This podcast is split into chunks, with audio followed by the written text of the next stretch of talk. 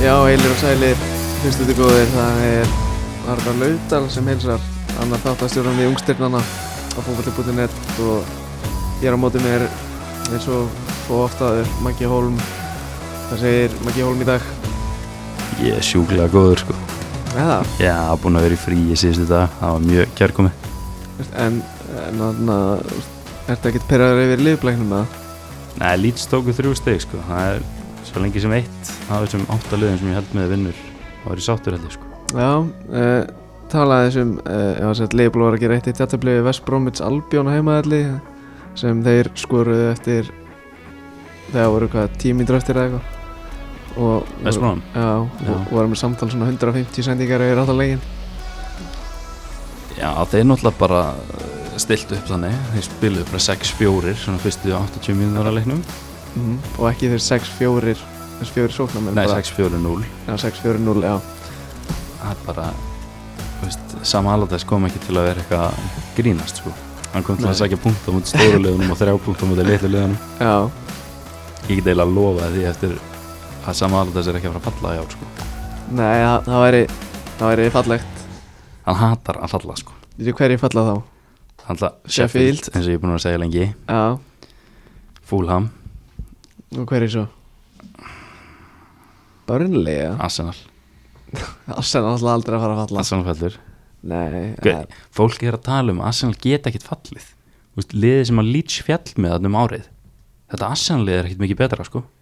eh, ekki Eh, Hver var laga sett í þessu lýtsliði Nei, Aubameyang, segi ég ætla nú ekki að fara að Eh, Aubameyang Já, þess hver var þessi svona sem marquee skoraði eitt play- sjálfsmorg og eitt viti Já, það hefur verið einhver kongur sem kláraði það Hver er- ég er alltaf var fjör ára sko. já en maður sé að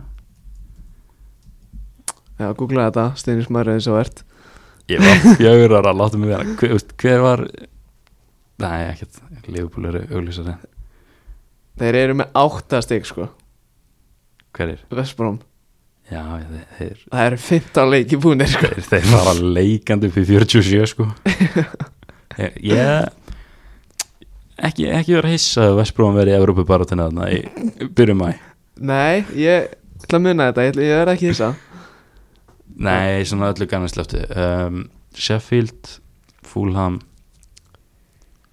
og Það er allt lítur, allt lítur Hver- að vera bara bæmli málið Er samt að- Brighton að fara að falla? Börli var náttúrulega skulum orða þannig að domkjenslan var ekki með þeim á hann Nei, það er svo svona sannlega ekki það, þú veist, það er alveg fyrir að segja það mm. lítið svo er ekkert spes en Börli kunna sækja stig sko. Já, ég Sjón Dæs er ekki að gera þetta í fyrsta skipti sko nei nei, langt í frá sko. hann hefði að gera því tvöfaldarskipti skipningu á, á hann þetta Já, ég hef aldrei séð hann gera Nei. tvöfaldarskiptingu sko. hvað er sett hann inn á? J. Rodríguez og Já, hann að Dale Stevens já, Dale Stevens, Dale Stevens. Það er svo fyndið, þeir eru bara með eitthvað að breyta hann sko Þeir Já. eru við líki sjá eitthvað að braslíum en hann sko nei nei, alls ekki sko. það er bara fjóri fyrir tveir yðnaður J. Rodríguez er næst í sem þeir fá eitthvað svona tiki-taka-stæl leikmenn sko. bara út af nafninu sko. og Dwight McNeil Gert Dwight McNeil er alltaf Já, no comment, no comment Ég No ætla comment. bara að leifa hann að spila og hafa gaman uh, Fíla hann samt ekki Nei, verður ekki til í að sjá hann í, Er Jói Berg tækniskasti leikmæðurinn í börnulega?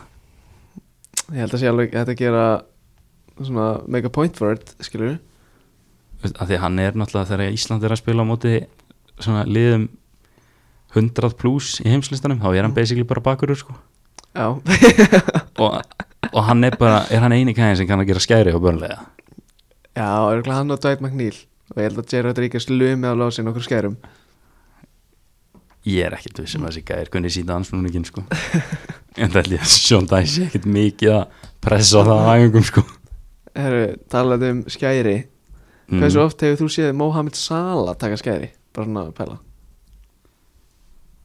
Hversu oft hefur þú Eh, ekki séð hann jafn bara oft taka, og ég taka hef með ná og taka skæri? ekki ef náttúrulega ég sé hann taka síta hans hann, Nei hann elskar að botsa hann einhvern veginn sko. Herru, aðna Við erum í búið Dominos uh, Geitunar í leiknum Þú veist, Það er bara svo leis já, true veist, Það er, þú veist, það er bara geitin veist, Dominos er bara geitin já, já. þú veist, Ef þú vilt ekki Ok, ertu reddi eða, sorry, Dominus, þið þurfið aðeins að býða Jermaine Pennant á láni frá Arsenal Markvið Duga, Ian Hart Paul Robinson Aaron Lennon Ungur, James Milner Þú veist, Þetta er alveg lið þú veist, James Milner, Pennant og Aron Lennon hafa allir verið svona 18 ára annar sko Það er alveg valið punktur Paul Robinson, Scott Carson, backup keeper Að falla Ha? 2004 Þess vegna fjallu er Það er galið Scott Carson var ekki í búrinu Jermaine Pennant spilaði 36 leik Hvað er hann gamall? Er hann ennþá að spila? Hann er 37 ára Ég væri reynda, það myndi gera óenni mikið fyrir mig að Jermaine Pennant væri bara að spila í Indlandi núna sko mm, Hann var að spila síðast með Ég ætla ekki einu sinni að Mm. reyna sko. Jú, reyndi, reyndi Ég ætla ekki að reyna sko. Jú, gaur, ég er með eitt nafnina sem ég kann ekkert að bera fram sko Billery Kaitán Á Englandi það? Já, einlega National League sá- sjöttu deldinni Já, ok Var líka börri fyrir það Allavega, hvað sem segir með Dominos Já, bara, þú veist, ef þú vilt ekki bestu pítsunar skilur, þá getur bara að fara eitthvað annað skilur Já.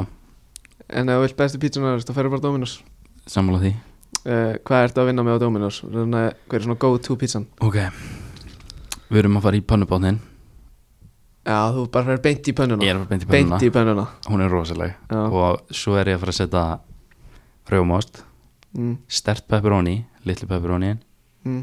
og ananas That's it segðu það aftur Pön- eh, Ananas pö- Pönnu, Pönnu- pönnubát. pönnu- Pönnubát, já rjómaostur Stert pepperoni og ananas Þetta er rosaleg pizza sko Já, ég ætla, ég, ég ætla ekki að fara að dæma hana Það sem ég hef ekki smakkað hana, sko En Ég læriði þetta frá gummafélaga mínum Hann kom ekkert tíma með svona ekkert tíma í eitthvað FIFA chill eða eitthvað gummi dómari Eh, Gummidómari, ég Æ, hef ekki kom- hætt síðan Það er kongur, sko Já, góð maður, góð maður Góður í fantasy Hann er náttúrulega bara eitthvað lasin í fantasi sko uh, ætlar að spyrja mig hvað ég er hvað er svona go to hjá mér Já, sorry, ég klund mér alls sama En já, hva, hvað færðu þú að vera á pizza? það er bara Domino Surprise mínu sveppir ég vil ekki sjá sveppi á mínum pizzum Surprise er þetta mjög góð En Já. alltaf blú sveppir ha, nei, Eða með sveppum, ekki auka sveppir, skilur Bara með sveppunum það er hann að jalapeno og skinka og, og rjómóastur og, og eitthvað gúrmilaði af þessu helviti gott sko herru eða fara að, að þættinum í dag hvað, Já. hvað er í búði? Uh, við ætlum að fjalla um þrjá leikmenn Já. ég er með tvo, Þú með tvo þú er með einn uh uh, Svo erum við með 2002 liðið úrvalslið Class of 2002 og, Já, og það er hérna veist, Ég ætla ekki að gefa ykkur neitt alltaf mikið En það er góðu vinu þáttarins í mínu liði hann er í mínu liði líka Góðu vinu þáttarins góð vinnur þáttarins sko uh, um, Og svo ætlum við að fá tvo stórmestara í viðtal þeir stórmistarar sko Hafa báði verið með fyrirlefandi undir 21 já, Og ætla að koma í taka spurningakefni Ef að, þú veist, ekki nefnir að segja bara nei Þegar Já. mæti, þá kannski sleppu því En já, þá tekið ég á bara viðtal en það er svo að Jón Davíð Þorstensson fyrirliðu 21 árs uh, leikmaður AGF á, í Danmarku og Alfons Samsteð leikmaður Bötu Glimt í Noregi og, leik, meistari þar og leikjahæsti leikmaður 21 landsliðsins frá upphæði með eitthvað 28 leiki hann er með hann er, með, sl- hann er samt áriðin, hvað, er hann ekki 98? Já, þannig að þetta er bara síðustu leikindin hans Já, Þeir eru báðið 98 það eru bara 98 þannig að þetta er síðustu leikindin hans maður Já, ekki nema, þú veist er komast ekki í hópin en veist það ólíklegt sko þeir eru eigum að- eigum að byrja bara í leikmann eitt að já, held ég sko ég, ég, mun, ég, mun, na, ég mun ekki byrja þetta nafn rétt fram, ég lofa þér því en Ok. þetta, er, ég er spenntur að heyra þetta er leikmaður sem í senast þetta þá kom Ísak Bergmann inn á þetta er besti leikmaður sem hann hefur spilað á móti eða þú veist, svona, þú veist, hann kom inn á í sjö mínútur á móti Harry Kane og Phil Foden og eitthvað skilur en þú veist, fyrir utan, það, sk- þú veist, utan þann leik Harry Maguire var líka inn á það ekki Jú, jú, hann var inn á haldi Já. líka já. En það er, hann er, er þetta ekki belgin eða? jú, Já, þetta kom er ekki vel. Charles de Ketelaere Ketelaere Aha. heldur hann heit, heldur þetta sé bara búið fram Charles Já, hvað, Charles Charles Ég veit það ekki sko, ég hef ekki humtum það Nei, ok Bara óhægt sko Allavega Heru, Þessi gæi er eins og komst, komst inn á Hann er belgi Hann er 19 ára Fættur 10. mars 2001 Eh, Þetta er leikmaður Nú veit ég ekki hvort að þú veist, Maður hefur o- svo oft heyrt tvær, mis, tvær mismöndi leður Hvernig á að bera fram Club Brugge eða Club Bruges Hvað segir þú? Þú Fer segir bara ekki- eftir hvernig skapi ég er í sko Ef ég er latur þá segir ég brugga Ef ég er eitthvað gett peppar þá er það brús Ok, hann er alltaf leikmaður, leikmaður þeirra hann er, hann er miðjumæður þú veist, bara á miðri miðinni en ég oft síðan núna í FM 21 þar sem hann er, þú veist getur spilað náttúrulega bara allstaðar á vellinum bara left wing back og út á kanti, hólunni, djúbra miðju bara neymit, Bara svona Ísak Bergman já, bara þetta er svona versatile leikmaður hann er 1.90 hann er 1.92 á hæð og lefty á hverju finnst mér svo sé alltaf koma svona fleiri og fleiri strákar á sjónasviði sem eru miðjumenn og gæst stórir það er bara ég að Þetta Eh, ekki, sakna bara jæja túra sko Já, ok, næs Þetta er strákur sem, sem er að fá mikið tröst út í Belgíu Hefur spilað 49 leiki í mestarflokki fyrir Club Bruce og er, og er aðeins 19 ára og er með 5 mörg og 4 stóðsendingar þeim leikjum og lagði þeim mitt upp marki í gær á Noah Lang finnum leikmann Ajax í 3-0 sigri á Júpen Já, uh, spilaði 458 mínútur í meistardeldinni í vetur og spilaði 90 mínútur í fjóra leikjum tveisar gegn Zenit, einu sinni gegn Lazio og einu sinni gegn Dortmund og svo spilaði hann held ég 80 mínútur og korter í hinu leikunum hvernig gekk sáriðil mm, ég held, heru, ég held að það er lent í þriðast ég er ekki að grínast Ég haldi Getur- áfram, ég skal googla þetta uh, og og í þessum tveimur leikjum þar sem hann spilaði 90 mínútur á móti senit þá skoraði hann einmitt tvö mörg og laði upp eitt uh, þessi gæði er metin á 12,5 miljónir evra inn á transfermarkt uh, hann á, hann á alansleik fyrir lands, alansleik belga þegar hann kom inn á í heila mínútu gegn Sviss í aðingarleik en náttúrulega, þú veist, leikur er leikur Það er rétt tökum það ekki á honum uh, það er talið að hann fari ekki frá, far, fari ekki frá Club Brús fyrir minna en 25 miljónur evra og er talið að Asi Milan og Napoli hafa eitthvað áhuga Já, herru, Club Bruce já, Þeir hérna endur í þriðasæti Er það ekki? Með 8 stygg, senit næsti með 1 eitt stig, Það er ekkert spes það er ekkert spesar er það ekki Lofren og félagar eða? Ég var alveg rann félagar mikill segðið maður núna Þú? já, Ah, hvað maður stöður sem ég heirt Svo sjálfsmarkið þessum daginn já það er kassan hann inn Já Skemmtilegt sjálfsmark já, hann ætlaði bara kassan á kýperinn bara kassan yfir hann alveg finnis uh, Já, þú veist, hann er ekki með þetta Alisson í markinu núna næ, ert þú með eitthvað reynsla á hann í FM eða? Nei, ég hef ekkert Þú prófað hann FM ekkert, ekkert ennþá Nei, ég var, já, menn í Norröndseginu mínu Algjör geit þar Það reynda að spila ekki eins mikið og ég held en þú veist, Írjus var Írjus Ég er ekki mikið með, með mikið meira Þetta er bara svona þessi klassíski klassíska átta skilur reyfanlegur, 1.90 hæð skilur gott að ég að vera spili skilur hann er að, hann er að þú veist, koma með þessa killer balls skilur eins og ég Já, eftir true Já, Já, þetta var aðeins, sorry, ég hef Og- bara fárlega þreytur sko Já, en ég ætla að koma inn að að kvóta Ísak úr þættum senast, senast að hann sagði að þú veist, hann, þetta er svona gæðin sem hann heldur eðst, gæðin sem, besti gæðin sem hann hefur spilað á móti og því að hann heldur að þessi get, gæði getur náð, náð lengst sem fótboltamar Já, þess vegna vildi ég svona kynna hann aðeins fyrir hlustundum skilur, við voru kannski að hugsa hver þetta væri bara, lístu alveg mm.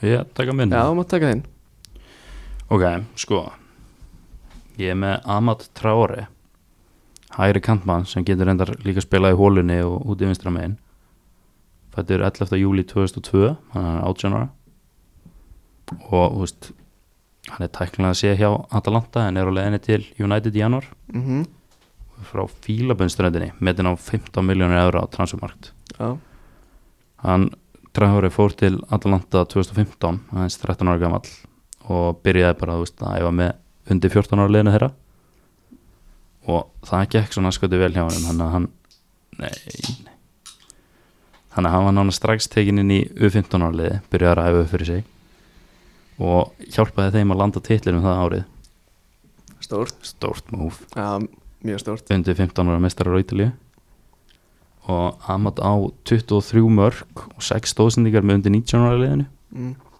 og eftir flottan árangur þar þá var hann tekin snemma upp í U19 ára lið sagði ekki U17 á hann ég myndi það Þannig að 23 mörg og 6 stóðsendingar með U17 stóð sér vel þar tekin upp í Já. U19 ok, og hann vann deildina á fyrsta tímabili með U19 bara, þú veist, svona svipað og Premier League 2 er á Já, Englandi ok. en náttúrulega undir 19 og ekki undir 23 já, einmitt og líka á öðru tímabili sem sagt 2018, 19 og 19, já, 20 ok, hann annars að deild og með undir 19 og liðinu á hann 14 mörg og 18 assist í 52 leikjum alright og þetta letti til áhuga frá stærstu liðum í Európu en Manchester United klófist hann í oktober núna síðast mm og er að gangi í þeirra raðir í janúar fyrir hvað hann að vara keiftur hann, þeir borguðu Atalanta 90 miljónum punda strax en vermiðin gæti hækka upp í 37 miljónum punda ef allt gengur upp svona áraugis tengdar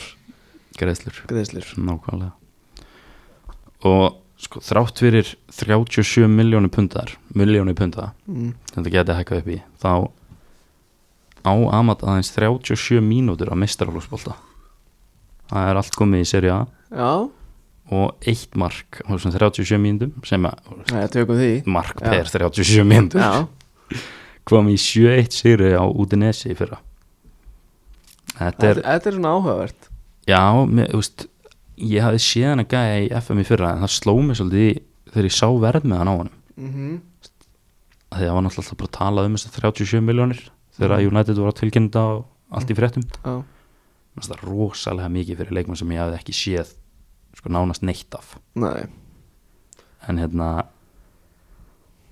ég er spenntur að sjá úst, hvað hva United gera við hann úst, hann er keftur á þennan pening hann er ekki náð 45 mínundum á hæsta level í hann fótbolta er ekki náða hálfleik Nei. Úst, er hann að fara í alið úst, er hann að fara að æfa þar, er hann að fara á bekkin inn og út úr liðinu, kannski eitthvað að spila í byggar mm. eða er hann bara að fara strax í undir 23 ára lið já, einmitt Af því ég er ekki alveg, úst, ég veit að United er að cash sko, mm. að þú ert samt ekki að kaupa leikmann inn í bjeliðið þitt á 37 miljónu punda sko það er spes það er rosa mikil peningur sko Ég er ennþá að býja eftir að Hannibal Mesbri kom inn í liðið þeirra sko, hann var alveg kjöptur á eitthvað slatta pening í bjöliðið þeirra sko, eða Já. í- í 17 ára liðið þeirra eitthvað. það er enda rétt Ég er Hva, hann var, hvað var, 8 að 15 átt að 10 miljonir eða eitthvað. það var eitthvað slatti sko Já, ég er ennþá að býja sko. hann var enda keftu bara svona 7 ára sko Já, reyndur. en hérna ég fann skemmtilegt kvót frá Papu Gómez fyrirlega Atalanta já, Ég, ég kallar hann alltaf Alejandro Gómez. já, ég- þetta er stittra svona sko Já, ég veit, ég bara, ég var, ég veit ekkert hvaðan þetta neiknum kom samt sko næ, mér fannst hann bara svona allt í einu komið með það. já, en hérna þú veist, ég held allan að hann væri fyrirlega Atalanta en það er vist eitthvað vesenni á honum og þjálfaranum Já, og, Gasperini, já. og eigandanum og Já, hann ennir ekkert að vera hann lengur. allt hitt söpðaðna sko hann kannski er hann ekkit fyrirlegara lengur en, en hann sagði hérna ég er búin að þýði þetta fyrir ykkur núna hann sagði Geggjað. Amat er framtíðastjarna, treystu mér á æfingum er hann eins og Messi það er ekki hægt að stoppa hann Já, sko, þú veist, það er en samt alltaf á ekki hálfleik. já, þú veist, ég, Ah. Messi á ekki hálfleik, það er reyndar. það sem ég ætla að segja þú veist, þetta er allt gott að blessa, skilu, góðan á æfingum en það lítur að vera einhver ástæð fyrir að maðurinn er búin að spila 37 mínútur sko og þetta er í fjórum mismöndi leikjum sko hann er búin að koma inn á í 5 mínútur, 5 mínútur 12 og eitthvað Já, ertu komin í 22 mínútur. á, og þá 15 Já, ok Tjölu eru þessi eirir þetta Nei, ræður 12, 14, 5 og 6 það er það sem hann er búin að gera Ok, gegja Já, true en bara that's it sko þú veist, vanalega er ég með eitthvað tölfræði en ég var ekki, þú veist, ég var að reyna að horfa á boltan í gerð líka sko, ég var ekki að fara að græða eftir undir 17 ára tölfræði í Ítalíu sko Þú veist, jú, hann á örgulega svona 15 hefna sendingar í þessum 37 mínútum en ég er ekki með nefn meira fyrir ykkur sko Nei Já, e- e- þetta var bara, þetta var bara heldur fít sko Það er ekki bara Jú Það ég að fara í gæðinum við þrjú Já, já, já, já, já. Þannig að þetta er eiginlega svona einn af Þetta er svona eitt þekktasta ungstyrni heimsins í dag Má ekki sko það Já Þess, þú, Nei. þú veist náttúrulega í hvað deildar spilar þannig ég ætla ekki að gefa þér að og hefur svona what, allt í einu gíska á hann skilur þú veist í hvað deildar spilar Ég, beti, og þetta, hvað stuðan spilar þetta er kantmaðurinn eða kantmaður slags spila í hólunni Ryan Jergi Jergi Já. Jergi Já, en, What, vissi ég þetta bara? en vissir hann heitir fullunafni Matís Ryan Serki Nei. Nei Herri, þetta er Já, þetta, hann- hann er satt Já, hann er satt 17 ára gæi Fættur 17. ágúst 2003 Þetta er leikmaður Lyon í Fraklandi Með tvöfald, tvöfaldi ríkisfang Franskt og allsýrst Ríkisfang Getur nefnt annan leikmann Þannig? Já, Sindin Sidan Ah, gæði gæði uh, hann er 176 á hæð uh, samkvæmt transfermart er hann þú veist, þú veist, natural 10 en í FM þá er hann held ég natural left winger Ég held að geta bara að passa þær já, en hann, hann þú veist, spilar í tíinu og getur verið úti hægri og vinstri hann er hægri fóta uh, hann spilar í Adidas X fagna því, það sem ég spila líka í Adidas X ég fagna öllum sem spila í Adidas X það er ekki aðeins sko. skor Já, það eru hörku skór og náttúrulega, þú veist, ef einhver er, einhver er frá Adidas í, á Íslandi er að hlusta og bara heyri í okkur Ég geti bara heyrt í alltaf sko Já. Mér Mér vantar ekkert eitthvað sko Það er alveg góð er, eh, hann er metin á 25 miljónur evra inn á Transumart sem er virkilega mikið með við 2003 model Galið mikið Já. Er hann ekki Þú veist, uh, hann er Hvað segir maður? Það er engin mest valjút Já, það, það er engin herri en hann 0-3 er það Jú, Jude Bellingham veldi Já, Viss maður skilur það alveg, þú veist, það er búið að retæra treyina sjöfbörning af okkar Það er náttúrulega mesta flip sem ég veit um sko. Það það var bara eitthvað flip Gæði gæ, spilaði he- eitt sísón með þeim Hann var flottur og allt það sko En tippaði til, til Dortmund og Birmingham og þau bara það mun engin vera nummer 22 ever hjá Birmingham út af því að Jude Bellingham það er nummer 22 í eitt sísón herru, þetta 0-3 lið hjá okkur í næsta þætti Það verður eitthvað sko það er veislulið sko Jeez Eru, hann á 25 leiki fyrir Lyon í meðstaflöksbolta sett í öllum kennum Sorry, ég verð að stoppa þig mm. Ísak Bergman er 13. mest metni metna 0-3 mótel í Eða. heimi eða það er, það er rosalegt það er mjög áhugavert sko. en ok, ég er full fókus núna sko. ok já, annars er 25 leiki fyrir Líón í öllum kennum sem með aðleginu sem er, au- er augljóslega mjög impressiv þar sem hann er bara 17 ára og í, í, í þeim leikjum hefur hann skorað þrjú mörg og lagt upp tvö en ég held að það sé bara í byggarnum hann hefur ekki skorað í líka en ja, mestardeldin inga til Æ, uh, hann var á tímabili sem sagt uh, uh, yngsti markaskorar í sögu Ju- UEFA Youth League sem er náttúrulega okkar uppáhaldskefni það er rétt aðeins 15 ára og 33 daga gamall en hann er náttúrulega orðin svo næst yngsti núna það sem gæði í Dortmund sem heiti Yusufa Mukoko Skoraði- gannast eitthvað við hann í Youth League þar sem hann er þú veist, þegar hann var þú veist, 13 ára eða eitthvað shit, hvað sáka er að fara að slá öll yngsti markaskorur á mötin já, ágrís ég kom með búndisleika með það Jú, örglega Já, Já, uh, herri, ég er með smá sögustund ok, Það sem þú varst með sögustund í senast þætti með Nuno Mendes þannig að menn eru að herma svolítið Já, ég sá þetta bara og ég, ég, og Láttu ég það. vildi bara koma aðeins meira en, en áðan skilur Heru, Hann fættist í austur útkverfi Líón ok, uh, Hann var uppgötaður aðeins sjö ára þegar hann var að spila fyrir AS Saint Priest já sem er sama félag og fyrrum fyrirlið Líón Nabil Fekir stegi sín fyrstu skref en Serki gekk svo til liðs við Líón þetta sama ára og hann var aukvöldaður hann síndi strax hversu góður hann var og fór í gegnum alla yngri flokkana og var alltaf besti leikmann á vellinum og, æf og æfði og spilaði upp fyrir sig uh, hann átti við nýjavandamál að stríða sem hefur oft áhrif á vöxt úlinga aðeins 13 ára og misti úr heilt ár vegna þess og tvei mánuðum eftir að hann var yngsti markaskorari Júfa Júþlík skoraði hann 5 mínúna þrennu gegn 17 Öxer aðeins 15 ára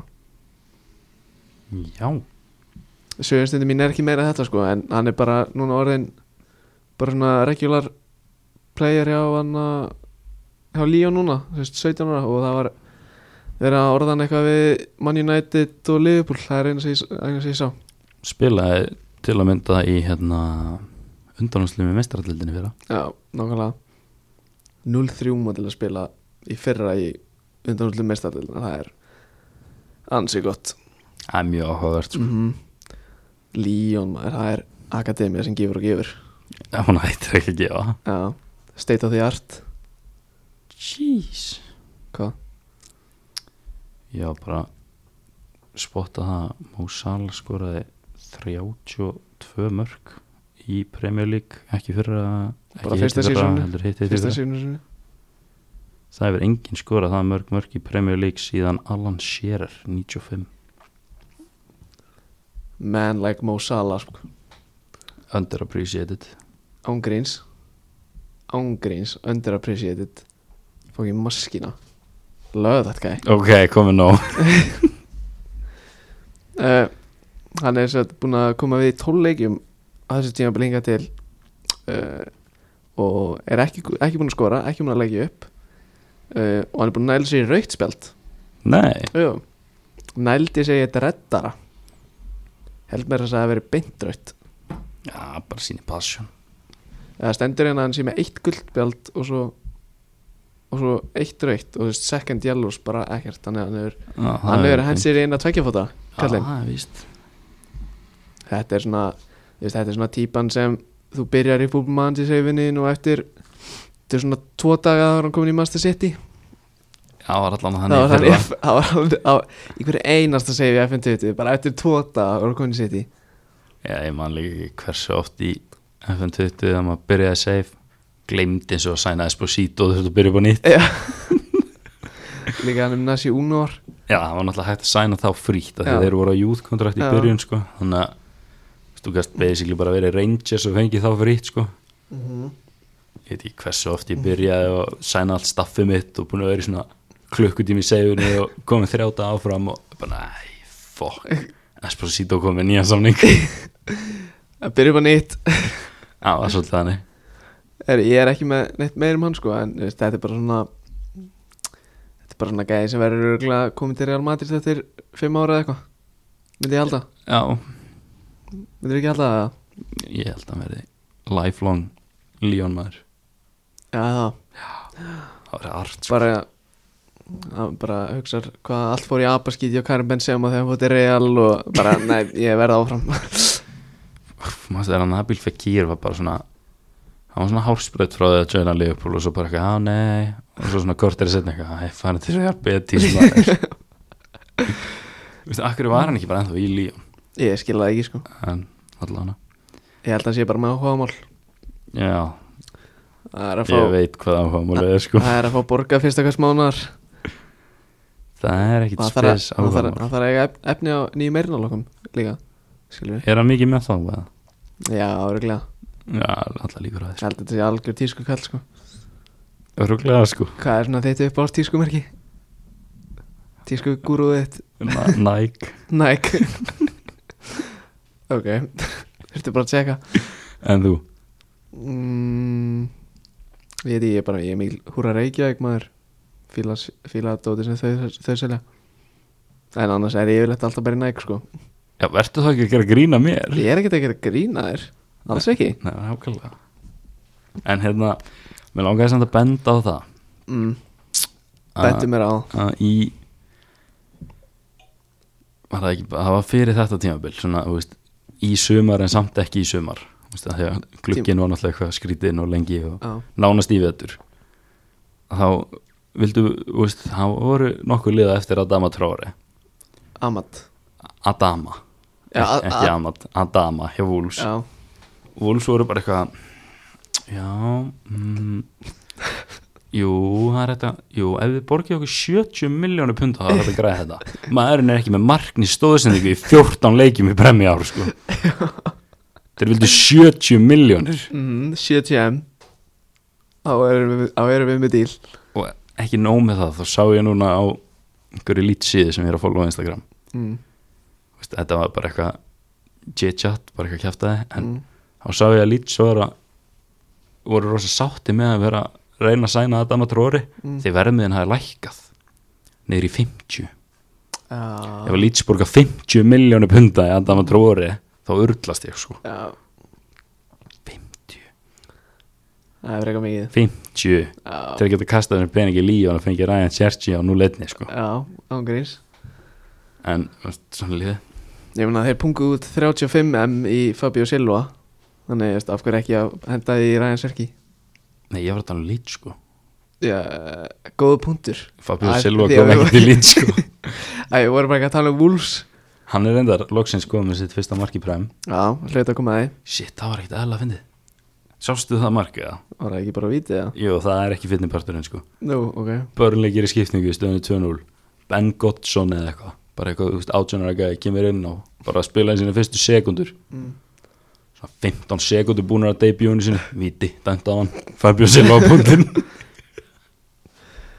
Já, ég er mjög gaman að því sko herru, sástu aðan í liðbæleinum þegar hann að Karlan Grant komst í gegn já og Rhys Williams var bara hægar en ég sko. Gauður, ég ætla að vera ræðar þetta, sko Karlan Grant er ekki svona sko. ræðar nei, ég ætla að segja það, hann er líka þú veist, hann er ekki eins og þetta hafi verið Adama Traore sko Já, hann bara leitt ræðil út hann sko. Gaurin líka með lengstu lapri heimi sko, Já. það hafa ekki verið flóki, flóki að hlaupa svona langt allavega á einhverjum hraða sko Ef ég þekki minn mann Sepp Vandenberg rétt þá myndi hann líklast pakka þessu saman þannig að hætta að bakka Sepp Vandenberg við eigum núl hafsenda við erum með Rísi Williams og Nathaniel Phillips á bekknum og Sepp Vandenberg kemst allir í starti undir 23 sko. Jú, hvað er þetta?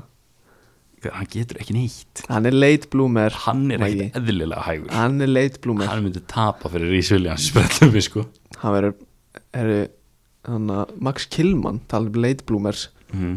sem er í Wolves Leit Blúmus, hann er ekki bara svona 90 og- Hann er 97 ah, ok Ég, fa hana, ég fantasy, þú veist, ég keifti hann þegar hann var bara að starta alla leiki Bara geggja valjú fyrir gæja sem spilar mikið Bara kostaði fjóra miljonir Ég held, hann er ekki búin að spila mínúti núna í einhverja fucking f- st- Sjö leiki í rauða eitthvað það er, samt- það er ekkert langt síðan Conor Cody, ég held að hann hefði unnið man of the match eða ekki þegar hann kilma hann á annað Já, gaf hann bara maður leiksins og núna bara, já nei, herru, þetta er komið nóg já ángríns, nánast sko bara Roman Sæs, þú dátt að góðin í hafsend Já, ángríns hans sko Herru, við förum að græja 0-2 liði Já, ég er rearing to go sko Eða, Já, ég, þú veist, það á ekki að vera neitt surprise fyrir neitt en ég er með Martin Vanderwurt í markinu góðinu þáttarins Góðinu þáttarins Eh, fyrir þá sem voru ekki að followa Instagram akkantinn okkar fyrir tveim mánuðum síðan eða Það er langt síðan sko eitthvað að þá sem sagt, töluðum við um hann í einum þættinum sem svona einn af þreim gæjanum okkar og, og, ég, og ég náttúrulega set alltaf svona Instagram postskilur daginn sem við postum og set svona klippu af leikmannum ég, ég vil taka fram, ég talaði um Martin Vanderwurt Mælu með að hlusta sko, þetta var bílaðan analysis Martin hefur hlusta sjálfur sko, mjög sennilega með einhvern íslenskan félaga sinna því það og þarna og ég skilur, ég, skilur, ég takka, ég takka alltaf leikmennina þú veist, fyrir fylgjendur til að örugglega tjekka á þeim skilur, Já, Og- definitely fyrir það neða svona ángríns uh, uh, uh, Já. uh, já. mhm. og, og svo bara tjekka ég eitthvað í síma minn bara Martin Vanderwurt liked your post Það var iconic moment það var icon, að íkonist moment sko svo reyndan, þú veist, fór ég að followa hann á Instagram og hann er alltaf bara að like einhverja myndir frá bara, þú veist, Martin Vanderwurt fanpage með 12 followers sko. ég var alveg pína áhugur á Nei, manninum var, sko. var, hann setja það í stóri jú, jú, hann setti það í story og ég tjekkaði á storyinu og ég er ekki að grína sko. hann var ekki yfir 50 followers þessi account sko. en ég er náttúrulega að followa það ég er grjótarið Martin Vanderwurt fan um, heyri, hann er í markinu okkur báðum sko ég er að spila 361 þetta fræga kerfi oh my god hvað er Byrju, hvað er alltaf Þú að vera getur ekki sagt neitt, þú ert alltaf að spila bara eitthvað með- ég er Þrír- í flatt 4-4-2 í dag Já, ok Þú ert alltaf, er, ég er að spila sko Sko, ég er með svona 2000 og svo er ég með sko vinstri bakverð En sko, hægri bakverður minn, hann er svona Miðjumæður slash winger Eitthvað svona já, maður örugna en að koma með bestu leikmennum í þetta blessaða lið Já, herru, ég heldur séum eiginlega bara með sama lið sko. ég er með þrjá hafsenda Ok, Ég var sko Guardiol, væntalega, Mar geitin Marko Kana Leikmann Anderlegt Ú, ok, Og svo náttúrulega Kongin, Kiana, Kiana Hú Húver Ok, áhugavert Ég, varnalina mín er Kiana Hóver í hægri Yes Eduardo Quaresma, leikmaður Sporting í Hafsend Já, hann er góður, Josko Guardiol, Hafsend Fyrir hann að þetta er leikmaður Dinamo Zagreb leikmaður Leipzig Þetta var að leikmaður lít sem við fókum því upp Já, hver er leftbackaður? Hver heldur sér eftir hjá mér? Já, Nuno Mendes Nuno Mendes Já, Það er maður með gæði ég er náttúrulega að gera þetta lið fyrir svona hálfu ári sko Er hann ekki í liðinu þínu? Nei, ég gerð, þetta er, mástu þeir sem Gauðir, ég Sko, er ekki frá því Ef Ég myndi velja Hann væri nummið þrjú á listanum Ef Ég myndi velja hvaða leikmann sem er í liðið mitt í, Alright. Á 0-2 Uh, Já, er þetta lína eins og þetta? Þetta er varðarlíðan mín Herri, ég ætla bara að nefna þú veist tíu elimin, þú veist, þú veist, ég er með þrá varnamenn svo er ég með þú veist, djúbunum miðið tvo CM, 1 kam, skilur, svona tígull mm, mm. Ég veit hvernig blikar spiluðu sem var sko. Já uh, Djúbir er Kamavinga okay. Fyrir framan hann eru Andri Fanna Baldursson Já, og Ryan Gravenberg ok og í hólun er Mo Ihattaren Já, Þetta er miðið sko já Ég er með, ég er með tvo á miðinni Flatt 4-4-2 Það er Kamavinga og Gio Reyna Já, Er það ekki með Gio jú, Reyna í liðinu? þínu? jú, hann er í leiðinu mínu Ok, gott Ég er svo spenntur að sjá Ok, á ég að segja mína kantmenn eða Já Ég er með Petri mm. úti hægra megin og hann Sufati úti vinstra megin Já, ég er með Ansu Fati út í vinstra megin og Gio Reyna út í hægra megin Er Petri ekki í liðinu? þínu? Ég get, þú veist, Nei, já, þú náttúrulega helst alltaf að hann árið 0-3 já, þetta ég setti það einu sinni á Instagram með okkar óvart Er hann ekki í liðinu þínu samt? Nei, Andri Fannar kemur bara inn í staðinn Gauður, ef ég myndi velja hvert sem er þá myndi ég taka Kamavinga fyrst, Petri næst og svo Nuno Mendes Já, náttúrulega ef allt væri eðlilegt væri bara Gio Reyna á miðinni og Petri út að hæra megin sko. og þú veist, Andri Fannar fyrstum ára bekk, skilur Ef allt væri eðlilegt, horfðu auðvitað mér Já. Ef allt væri eðlilegt, væri Andri fann að fyrsti maður að bekka þér Nei Eh, Þarna og svo bara fram með Fabio Silva Æ, Ég er með Fabio Silva og Sebastiano Esposito Já, góð vinnu þáttan eins Ætli hann sé ekki svona þriði besti vinnu minn Já, ég- jú, þú veist, hver hver er að missa hann af núna? Þú veist, Hver var að detta niður um eitt spott út af Esposito? Úf, góð spurning ekki bara Nei, ég ætla ekki að fara að henda neinum undir Jó. Nei, nennið því ekki Já, Ah, ok Shit, hvað þeir fyndið að fá öll að svara sem maður Þetta er hörsku lið Já, þannig að, pýttu, við erum múin að taka Tóku við 97? Nei Nei, þetta er 98 Þannig að það er 98, 99, 00, 01 nú. Þannig ég er að vinna 5-0 núna Já, öruglega Nei, jók, stórmestari jafntöfli Stórmestari að þau blið rétt En ég er samt, þú veist, þú varst að reyna að spila eitthvað svona funky dæmi mm En ég fór bara í flatt 4-4-2, sama alveg stæl Já, Ég tek alveg punktinn, það er sko bannað að taka meira en þrjá snertingar í mínu liði sko já líka mínu Við erum bara búin að negla honum upp Já. Ef þú ert ekki búin að, ef þú klárar Klöts, ekki Ef þú Leggja klárar fyrir ekki, sig Dagan all ef þú- ef þú klárar ekki færið Innan við þremi snertingum, þá bara labbar þú tilbaka og bara í vörn Rétt En hérna, Arsenal Chelsea Já, Það er náttúrulega svolítið stórleikur, já, svolítið skrítinleikur mm, Jaka Laga Saga já, Stort. stórt Sástu Tammy Abraham eftir leikinn þegar að, þú veist, einsli meitla Niles og Saga voru eitthvað að hlæja á markinu mm. hann bara lappar að þeim og ruslar yfir greiði strákana maður Nei, Jú, bara eitthvað og varst ekki að reyna að skora sko Já, bara eitthvað, wow Tammy, farði ekki að grenja að drullarinn í klefa sko já Já, þetta var áhugaverð Þannig að uppstillingin hjá Já, þannig að þetta var með sko Smith Rowe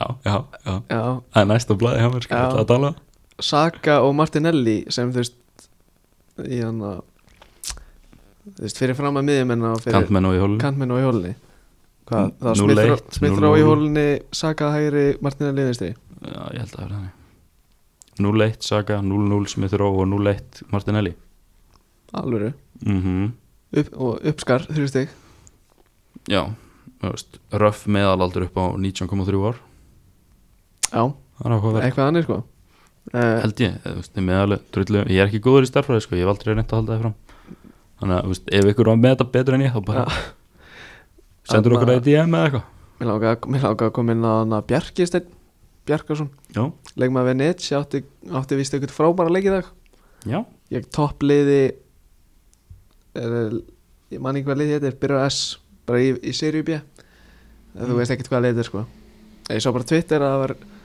Þannig að gæðin sem er með ítalska boltan á .net podcast já, það, ég nefndar hef hlustað á það það Björn er mjög Már skemmtilegt. Ólafsson held ég. Já, hann veit sitt sko Já, hann setti, setti inn að hann átt frábæra leik og við fögnum því Það er svolítið uh, Hvað mótel er hann áttur?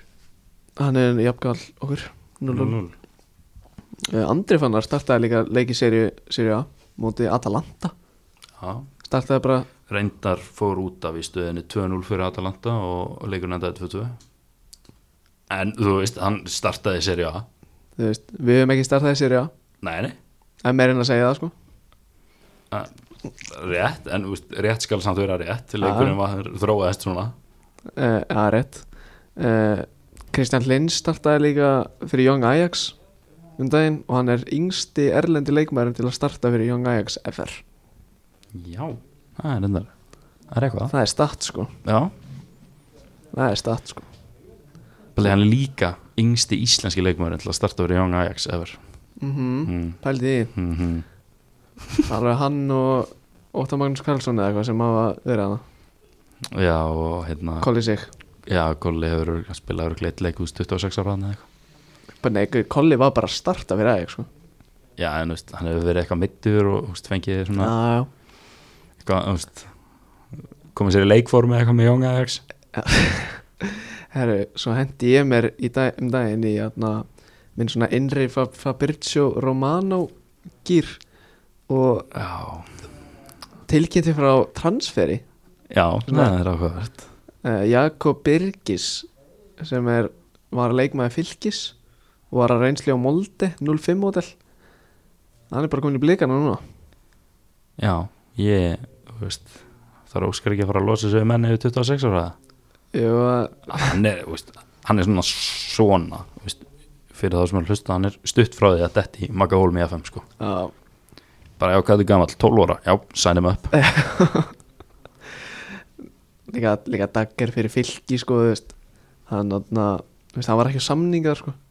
já, það var bara streyta félagskipti bara svona eins og Maggi Hólm í gamla dag, Altanis í stjörnuna stjörnan í Altanis, já, það var engin peningur fáralegt að ég það hef aldrei verið borga fyrir mig, já, svona er þetta já ég bara ég kemst ekki yfir það sko, hvað hvað er ekki þannig að langt mæki ég veit það, það er svona er þetta, já, það er nýið það- já, þú ert einn af þeim ég er einn af Þú ert einn af sko. þeim sem, sem segir alltaf svona Já, þetta hefði alveg geta verið í þarna miðinni á stjörnunni sko En þarna, já, sko, nýja fór í þrjálflóki já, náttúrulega, þú veist við getum orðað þannig að ég var að bossa Alex Þóra miðin að Altanis í fintaflóki sko Já, Þú veist, hann, ég var endar í hafsendum sko, hann kosti Já. aldrei frá með mér nei, aldrei, herru, þarna Haaland, Erling Breit Haaland Vann þarna Golden Boy Haaland, hann að Erling sko, eldri, ég veit ekki hver Haaland er Já, Haaland vann Golden Boy já, það er rétt, Það var bara,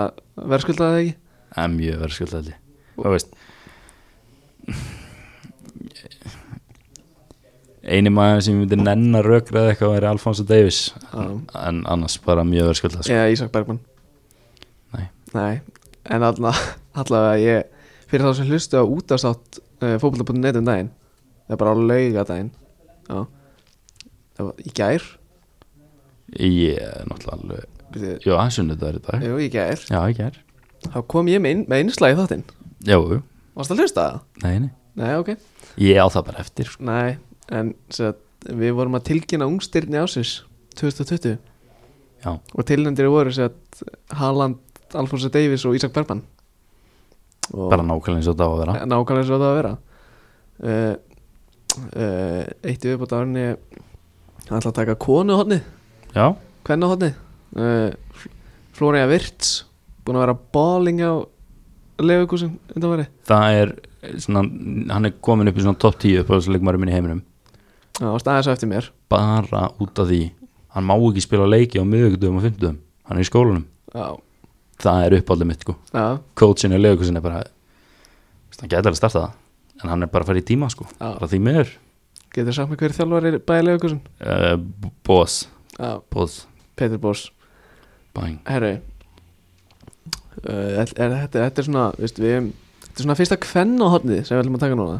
þetta er ungstyrnis hvenna hodn skilur mm uh, og það, ja, það er nefnilega mikið að stelpum sem eru að gera góða hluti hjá okkur yngri, yngri stelpum sem sagt uh, Hlín Eiríks þú ert líklega hennar heldi á dati það er mjög líklegt mjög líklegt, uh, hún var skrifin undir á Pítea í Svíþjóð í sænsku úrvarsleitinni ok, sko, núna veit ég ekkert eitthvað endalust mikið nei, er hún kantmaðurinn hjá Val? já shit, hvað ég veit mikið ok, Herra, þú vorst að segja mér um daginn hvað hann væri gömul mannstu við vorum að tala um landsliði á okkur Þú er varst eitthvað- hún 03? 01 01 ha, þú sagði mér um daginn já ok, hún er 01 sko já, nógulega, en það vissi ég það þá þá eru hann að Ses Cecilia Rán held ég hún markmaður, heitir. hjá fylki já. Eh, Everton og Chelsea hafa áhuga á henni Chelsea er nefnilega að reysa klúpur sko. já, þannig að það er einhver kona sem er einn bestilegmar í heiminum hún er á Chelsea og já, eins og sagði, þetta er 0-3 markmaður á fylki sem er sko með lasið potential þú er hans stærri en ég sko. Já, hún er auðvitað stærrið þú sko og er nú orðin sko fastamæður í aðlandslisóknum þú veist, hún er ekki orðin þú veist, keeper number one en hún er alltaf í hóp skilur Já. hún er 17 ára sko og þú veist, ég sá eitthvað vídeo að henni uh, ég held að Dr. Fútból hefði eitthvað verið að gera vídeo hjá henni já, og hún er með laðið sér potential sko þannig að þetta verður þetta verður auðvitað markmaður íslensku landslisins næstu svona hvað segja, 13 ár bara þá hún ennur sig ekki lengur sko. Já uh, Sveindís Jane já, uh, Hún verðist vera á leiti Kristinstad í Svíþjóð En Elisabeth Gunnarsdóttir er að þjálfa liðið þar Íslendingur Búin að vera að þjálfa, hana, þjálfa það lið mjög lengi uh, Hún var einnig Sveindís var nefnilega orðið við Wolfsburg líka Sem er þú veist næst besta Já. hvernalið í heiminum sko uh, Hún er í Eigu Keflavík en Já, veistu, hún er í Eigu Keflavík en var láni á breiðafleik á þessu sísunni og það með 14 mörg í 15 leikjum og er bara orðin líkilmaður í íslenska kvennalandsliðinu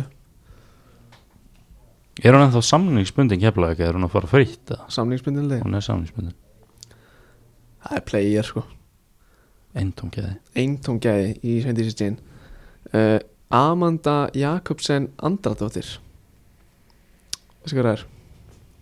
ég get ekki sagt það nei Nei, hún samti á dögunum við Noregsmeistara Valerenga en hún, er, Já. en hún er líklega okkar efnilegast leikmaður 18 ára og yngri og við tala um að þetta sé bara næsta súpistana íslenska landsliðis hvar var hún?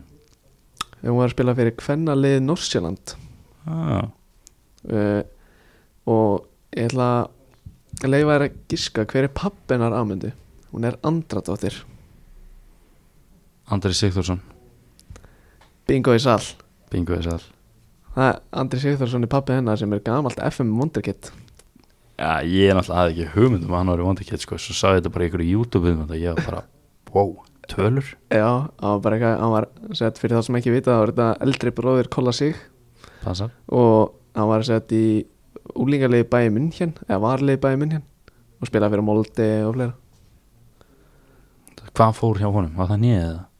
já, líklegast sko, hann var mjög mikið meitur eins og kolli bara helviti sníðan maður Súrt Ræðan Serki líka maður, misti af ári út af nénu Já, hann hérna Við vorum svona svipum aldrei þegar ég nýðið fór hjá okkur sko, en -hmm. hann komst aðeins lengur en ég sko.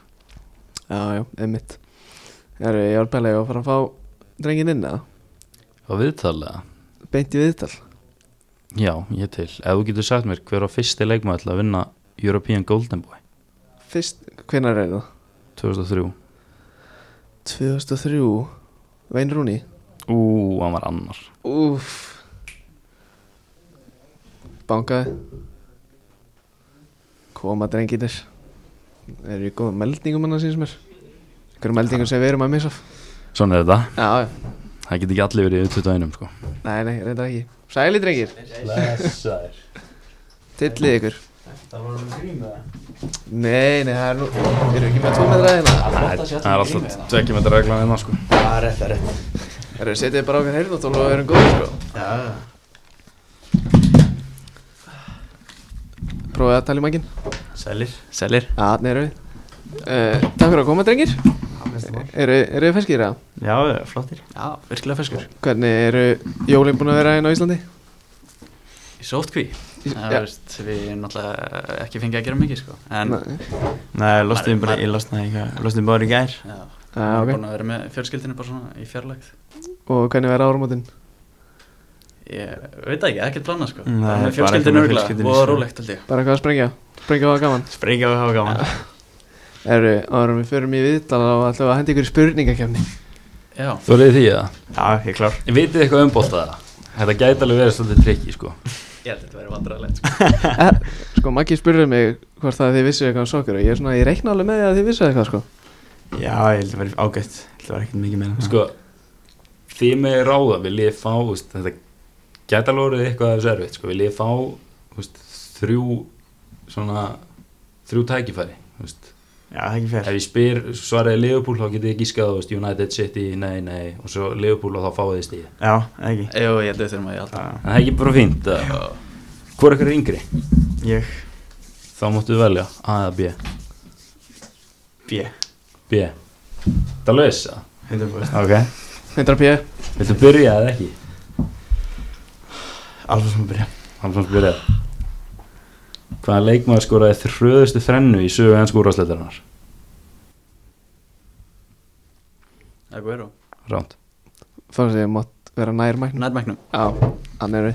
veitir þannig ég fæ þrjú núna Já, í þú, röð þú fært bara þrjú gísk, skilur við En ef þú mennir ekki að býða að hugsa það þá getur þú bara sagt pass, sko já, eða þú veist, ég verð náttúrulega að skjóta Já, ég held það, sko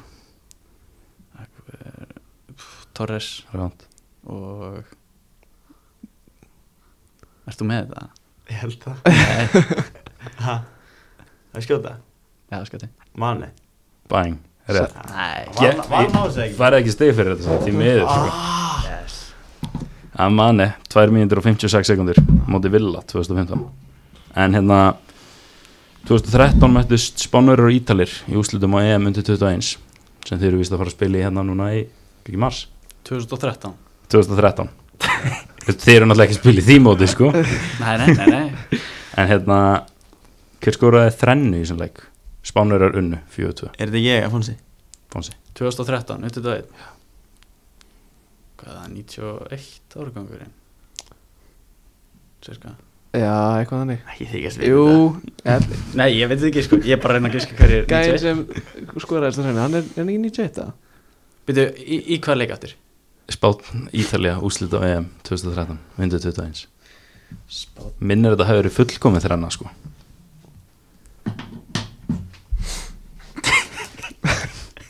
Þeir um, Jón Dagur hreisti bara hausinn.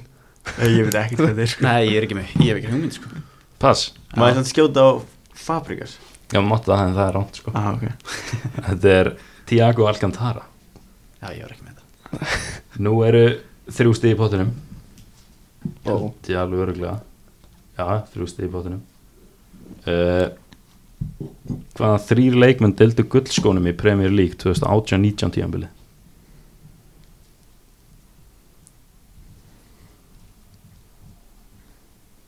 Hvað, þrí- 2018, 19 Hvað er það, fyrir tveimur ára? Uh,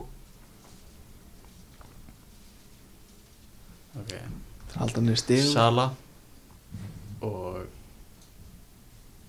Aguero og hver er senasti? hver er senasti?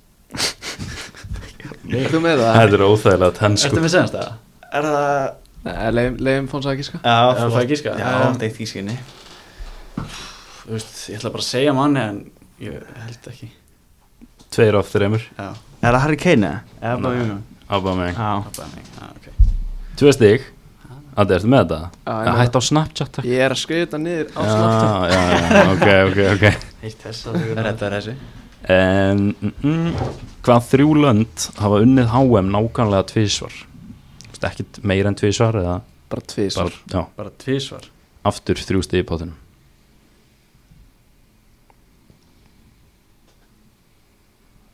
Þú veist Típ Frakland ok um, Por, nei Gauðir, það er svo tens andrúrlótt í þessu herbyggi. Það er ekki eins og ég fyndi, sko.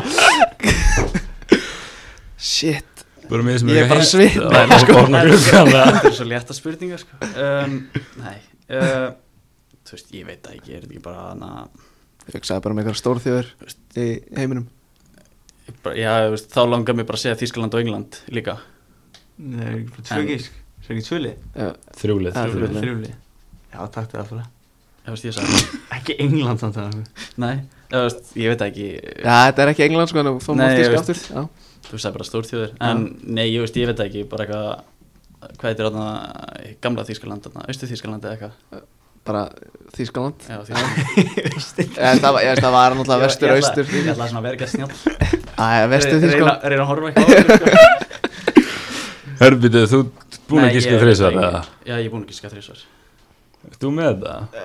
Frakland Það var að fyrsta sem ég Það var Hann sagði. fyrsta sem sagði Frakland Eh, Portugal Hann samt valið það, þú veist, þykist vera eitthvað geðið gáðar þegar hann er búin að fá rétt fyrir Frakland sko Herra, Þetta er Uruguay, Argentína og Frakland Eitt stig Uh, hver er eini útispilari til að spila í úrslitum meistaradöldarinnar á þremur mismunandi áratugum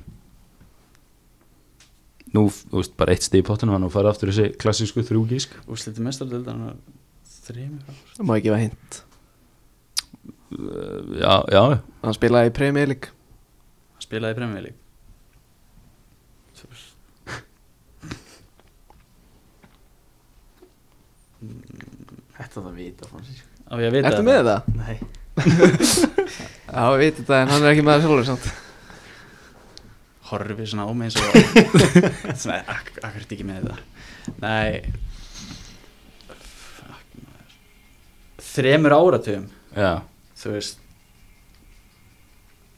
Ég veit það ekki maður Ég hef bara passaði þetta Ég hef veist mér dettur ekki einu svona margir í hug sko Bíla í Premier League Veistu, Er þetta ekki bara Cristiano? eða?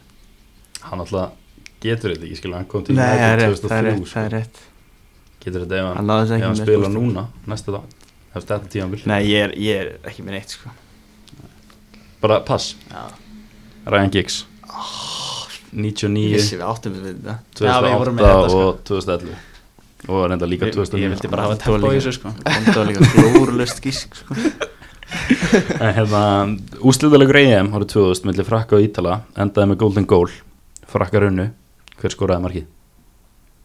Hver skoraði golden goal mark frakka í svona leik Hvað ára var þetta?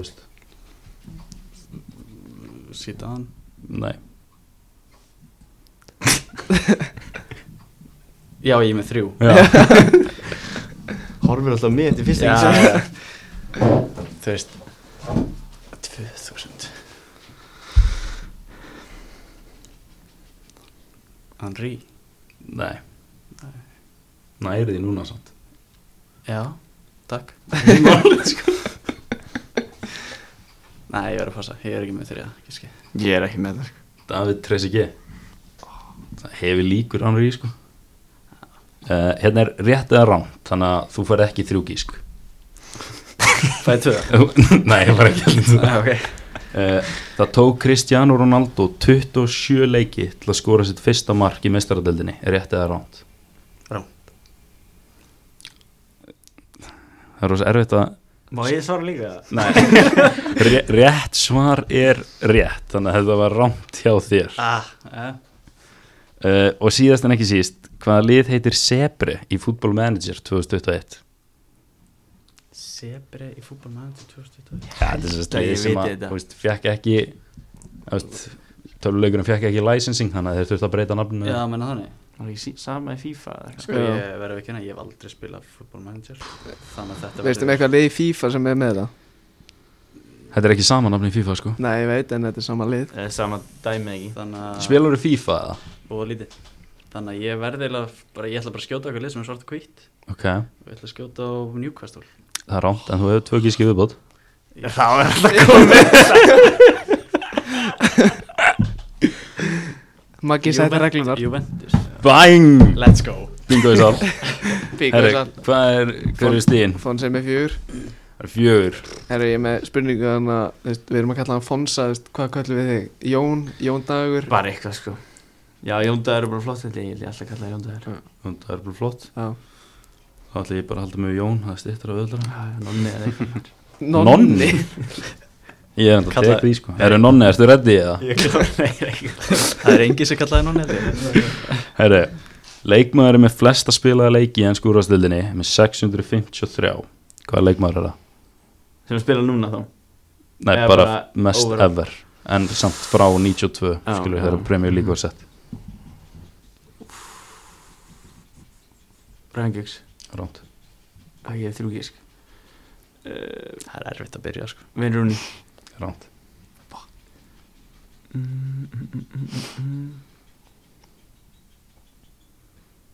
Frank Lampard Ránt Þú með það? Paul Scholes Gareth Barry Kongurinn Maður hvað Brynur Andersen var með mörg stig hérna Það var með fá stig sko Ég Ég- var þú alveg veist- meira en hann sko Er ég komin yfir hann eða? Já Gæti verið hann að slefa í þrjú, kannski fjör Ok Það fór ekki fjög Nei, ég En maður svo- það ekki En hérna Hver eru núverandi Evrópumestrar undir 21? Sannst, veist, hver eru nöðum undir 21 síðast? Er þetta við að segja að taka þetta töflumhendinum eða? Spátt Rétt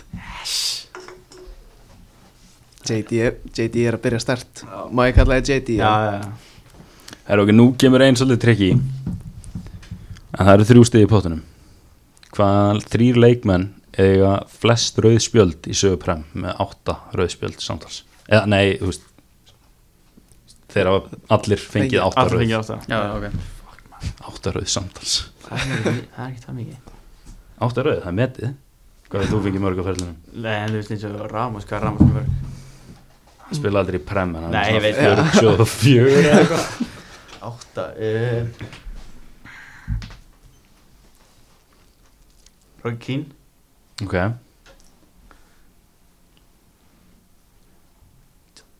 John Terry ok og Volker Ok, Kyle Walker þá Já, þú með það? var ekki rétt Ekkert rétt sko. Þú veist Þetta er svolítið neðast í spurningi á mér sko Þú veist, Ég ætla einn bara ekki að skjóta Ferdinand eða eitthvað Nei, þetta er Patrick Vieira sem er svona, þú veist mm, Var Roy Keane ekki rétt? Nei, Ég Hann lítur að vera sjö þá eh. Já, sleðilegt að enginn gíska á Joey Barton sko Það eru mitt fyrsta gísk Er hann? Nei, Richard Dunn og Duncan Ferguson Það er ekki stinn hann Nálegt uh, Aftur þrjú stig í pottinum Hvað eru HM haldið 2026? 26 Þetta eru sem sagt, þú veist, þrjú, þrjú land, þú veist, það eru þrjú stið í potinu. Þú verður ekki þrjú stið fyrir að segja bara England eða eitthvað. Hann Katar 2002 Er mm þetta í þremur löndu sem það? þrjum löndum. Fyrir hvað er staðan? það er fjögur eitt fyrir Fonseca Það er fjögur, þú getur jafna núna sko.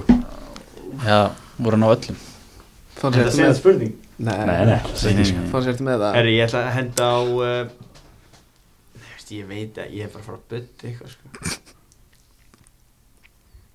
veist, bara Nei, ég ætla bara að segja Nei, þess að Þú getur ekki sagt pass. Þetta er sem ég er bara að gíska þá Þú veist, Taktu bara eitt land frá hverju heimsálfi Ó, eitt rétt þá uh, Það reyndi að gíska bara á eitt Ég ætla bara að henda á hérna Frakland, Ískaland og Þau eru í sömu heimsálu sko. Já, ég veit, ég ætla svona Þetta er svona sama, sama svæðið sko Já, það er eitthvað þess að sko Og uh, Rússland Nei, rámt. Þú með það?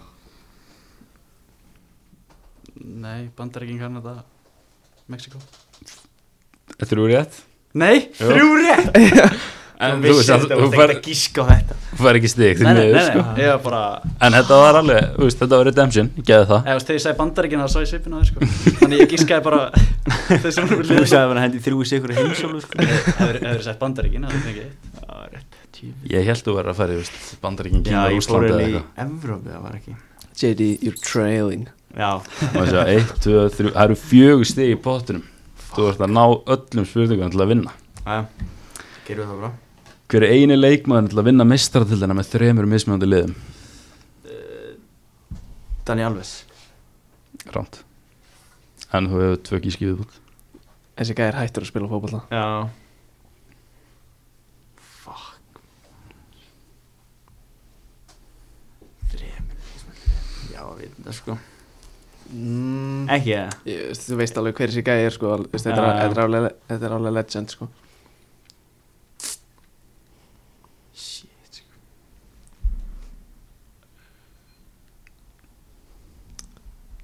ne, maður genast í dag sko Já, ég hef sé það sko Já, ok, smá, ég bara hafði tröll að trúa á ykkur, er það ekki slæmt það? Gott og slæmt Mm. Herri Nei, ég bara er tómur sko Ekkert að gíska á, þú veist Já, þú veist, ég var að hugsa um Fabregas Er hann ekki með Chelsea og Nei, hann vann ekki með Chelsea Var Hann komið það Skjóttu bara á það, sko Já, það er ekki rétt hann, ég vískið það Já, Ah, það er rámt Ég er ekki með það Þetta er, Eh, gefstu upp eða? Já, Þetta er Sedorf með Ajax, Real Madrid og AC Milan já, já, ok Þetta eru Þú getur jafnað erfiðast maður þetta næst þegar þegar þú spyrir að þessu Já, já, já, já Hver er markaðasti leikmaður englendinga í sögu EM? Þú veist, þú ert með þrjú gísk Ok, ég ætla að byrja bara á Verúni Ok, það er rámt, ég ætla aðeins að fá að heia þér Ok Þú veist, Hann hættir sem markaskorari frá Englandi Fyrsti sem hugsa um come on Já, þú veist, ég myndi hendi Harry Kane Ok, það er líka rámt, þú er eitt gísk hann hefur spilað á einu EM sko Ég er að spila einu EM Já, Shit sko. Djúvill er ég lillur í þessu Já, það var hann datt út á mót okkur já. Þegar hann datt út á mút okkur Nei, nei, nei. Nei, þú veist, það var eina EM sem Harry Kane spila hann hefur bara spilað á EM 2016 Já, e- já, Harry Kane Já, ég held að segja gæinn sem Já. Þessi gæinn, eh, hann hefur spilað fleiri finnast já. Herði, Markus Guðar frá Englandi Eh, Shit Ég er ekki með þetta það væri Nei, beit, beit, beit, beit, beit, þetta- Já. þetta er, ég ætla að breyta spurningunni Svarið er samt það sama Ok Eða, þú veist, Þetta er- síðustu tvær eru dauðar ef þú klikkar á þessari sko. Hver er markaðasti leikmaður í sögu Premier League? Sögu premjur Hann er sem sagt, þessi sami gæði, hann er Þetta er líka sami gæi. ennskur Já, við þetta já, já. Já, já, þú átt að vita það ég held að pappin verði ekki sáttur ef að veist þetta ekki sko Er þetta hérna Nei Hann er marg Þú ert með þetta ekki Erst þú með þetta? Nei, ég er með gísk Það er gískaðinu síðan þegar ég Mér langaði ekki að gíska á George Best Nei, ha, hann er, Hann hann er er- premjur League. Nor- Hann er Hann- norður íri Já, ó, En let's samt go fá- Ég Þetta var- þetta er góð elska gíska þetta effort sko já, mjög- já. þú veist, Hann er Ég reynda veist, ég var með bara með gísk sko reynda með núlmörk fyrir England og EM sko. Já, það er rétt En, Það er samt jafn mikið og margir Þetta er aðri bara já, eitthvað já, mikið og ég JD, þú veist þetta alveg Já, sko við þetta sko Ok, þú veist, Ég veit það ekki spilaði með Blackburn Já, þetta er sérar Spilaði með, Yes. Ég var jafna að pæli að segja þetta Svo, Er það ekki fyrsti maðurinn sem fólk hugsaður um þegar hugsaður um markaskorra frá Englandi? jú, það ætti eiginlega að vera það Ekki á mér greinlega Nei, þú veist, þetta er just best Herra, ok, rétt eða rán Já, Nennir ekki að klikka á þessu já, Frank Lampard skoraði fleiri mörg í Premier League heldur en Henry, Fowler og Owen Rétt eða ránt rétt Það er rétt Já, Já. já. Fjögur þrjú Hann er hérna að tryggsa mann sko Næst í dag sko Herri, síðasta spurningin er ennum samt ekkert það erfið sko Ok, ok, ok. Þú getur jafnað það Já, Það geti endað í stórmeistari átöfli Þetta endar ekki manage sudden death Þú bara tegur viðtalið ef maður jafnar þetta og svo er ég búinn að finna eitthvað sudden death í lokin sko Ok, Hvaða MLS lið er í hluta eigu David Beckham? já, Miami Það er að segja meira Ég var alveg til í að fá nafnið á liðinu en ekki borginni Já, ok, það heit sem sagt ekki Miami jú Ég veist Jú, Miami heitir er eitthvað eitthvað meira Miami. Miami, já. Ó, hvað heitir það, Miami eitthvað. En ég er samt svo peppar í sudden death að ég mun alveg gefa þér þetta og klikkar á hinu sko Já, gef- gefum henni bara rétt fyrir Þetta þetta ætti að vera rétt og rátt þarna Gaston sér, gefur hann hess Fonsi fjúming sko En með, nei, Miami bara, veist, Miami FC Inter Miami Já, auðvitað, skutin Þú varst En- með það? Já, ég með það, ég fær rétt En hérna, þá er staðan 4-4 Fyrir- Miami rétt Alltaf að finna Ég fer eitthvað að skoða þetta Ég, hérna, þið skemmtu ykkur vel í viðtali Ég kem Þú frá þú ert náttúrulega búin að læra af þú veist, Fyrir spurningunum í kvöld skilur Þannig þú kannski hefur ekkert Já, ekki Einhver- sko. hendis í sama level allan Nei, Ég, ég fer ekki að spyrja um Alan Shearer sko, þið þurfum ekki að hafa okkur að því Herru, byrjum á þér Jón Dagur uh, úr, ja, Ég ætla að byrja bara eins og ykkur báðum Þeir eru náttúrulega bæði 98 Fonsi varst í breðablík, þú í HK Hversu mikill rígur var á milli HK og breðablík í ykkar árgangi? Það var mjög mikil Eða? Já, ég myndi segja það Vorum líka bæði lið með góð lið Þannig að Já, vorum að berjast um að sama alltaf Já. Þannig að það er kannski svona Gerða hann ennþá meiri alveg hiti í leikjunum og Já, bara já, já, já. þryggja fóta tækningar og, Já, já, það var, það var mjög skemmtilega leikir já, samanlega því Fonsi Já, þetta var það var- Mér fannst leikindir alltaf svo jafnir Mhm. þannig að Mhm. það fór alveg frekar fljótt upp í smá rifrildi Já. og slagsmál og Jóndar sparka bollum burt og Já, mér, mér finnst þess að ég hef oft heyrt að þú sért ótrúlega leiðilegur inn á vellin Já, það er Já, já, það, er- ég hef heyrt það líka oft en þú veist kannski að það var verra í yngri flokkum á stjórnvillis Já, Steini Hall ekkert með neinn- neina stjórnaðara Já, hann við náðum mér alltaf smá niður í dag ah, ok En eru, ferð úr HK í Fulham Hvað, át, átján ára? Eða hvað? Eða var ekki 16 ára 16 ára uh, Af hverju Fulham á þessum tíma? Ég fór hann bara og búið á reynslu fóð með Birki var á reynslu Mm. og það gekk mjög vel og mér búið aftur að fara á reynslu og bara líst, leist mjög vel á klubbin og náttúrulega langaði að fara út og ég var ekkert með eitthvað að veljandum tilbúðum sko Nei. þannig að, þannig að það var dóttir bara svona eina í stöðinni eða þú veist, eina sem ég var með á borðinu að fara eitthvað út Ok og bara ákvað að kýla það uh, Hvernig var tíminn hjá Fulham? Telur þetta að verið hefnuð, dvöl eða mishefnuð? Uh, klálega heppnu, ég náttúrulega auðvitað, þegar maður fór hann út þá var mér margt með að komast í aðlið, hann náttúrulega gekk ekki en, en ég náttúrulega komst bætti með helling sem leikmaður og þróskaðist og var náttúrulega búa í London náttúrulega he- he- helling sem einsla og þetta var mjög gaman og ég líti á tilbaka bara eins og ég myndi alltaf klálega að gera þetta aftur Ert þú ekki Chelsea maður? Jú, hárið F- Fannst ekkert skrítið að fara í svona annað Londonlið og ekki Chelsea? Nei, alls ekki, ég náttúrulega þeir fóru fúlan voru líka champions þannig að þeir voru ekki Já. beint að berjast um það sama uh, myndir að segja að þú eirir veist, eins og eins og það er Chelsea maður veist, ertu meiri fúlhamaður í dag en Chelsea maður eða? Nei, alls ekki, alls ekki Ég myndi segja að ég var mjög meiri Chelsea maður en fúl, nokkuð tíma fúlum en auðvitað langar maður alltaf að fúlan gangi vel já, okay. uh, já, varst, varstu nálagt að liðinu á fúlham Uh, það var svona, ég var kannski ekki beint heppin líka því ég var þarna, þú veist, þegar mér var að ganga sem best kannski því ég var næstis að vera í varleginu þá voru þeir í Championship og akkurat svona á sama tíma þá voru þeir okkur þvílíku rönni þannig að ef ég hefði ykkert maður fengið sensin þá að verið þá en það voru kannski, þeir voru ekkert eitthvað mikið að breyta liðinu eða gefa mönnum sens þá þú veist, þeir voru eða ekki tapaði fjóra mánu eða eitthvað akkurat á því tímabili okay. og svo náttúrulega fóru þeir upp þegar ég var svona á þeim aldra sem ég langaði að fara að spila aðalis mínútur og þá náttúrulega var það kannski ekki beintir raunhæft að vera eitthvað að búast við því að fá okkar hlutverk í premjuleglið Já. með 0 mínútur á baki aðalis bolta þannig að uh, mitt.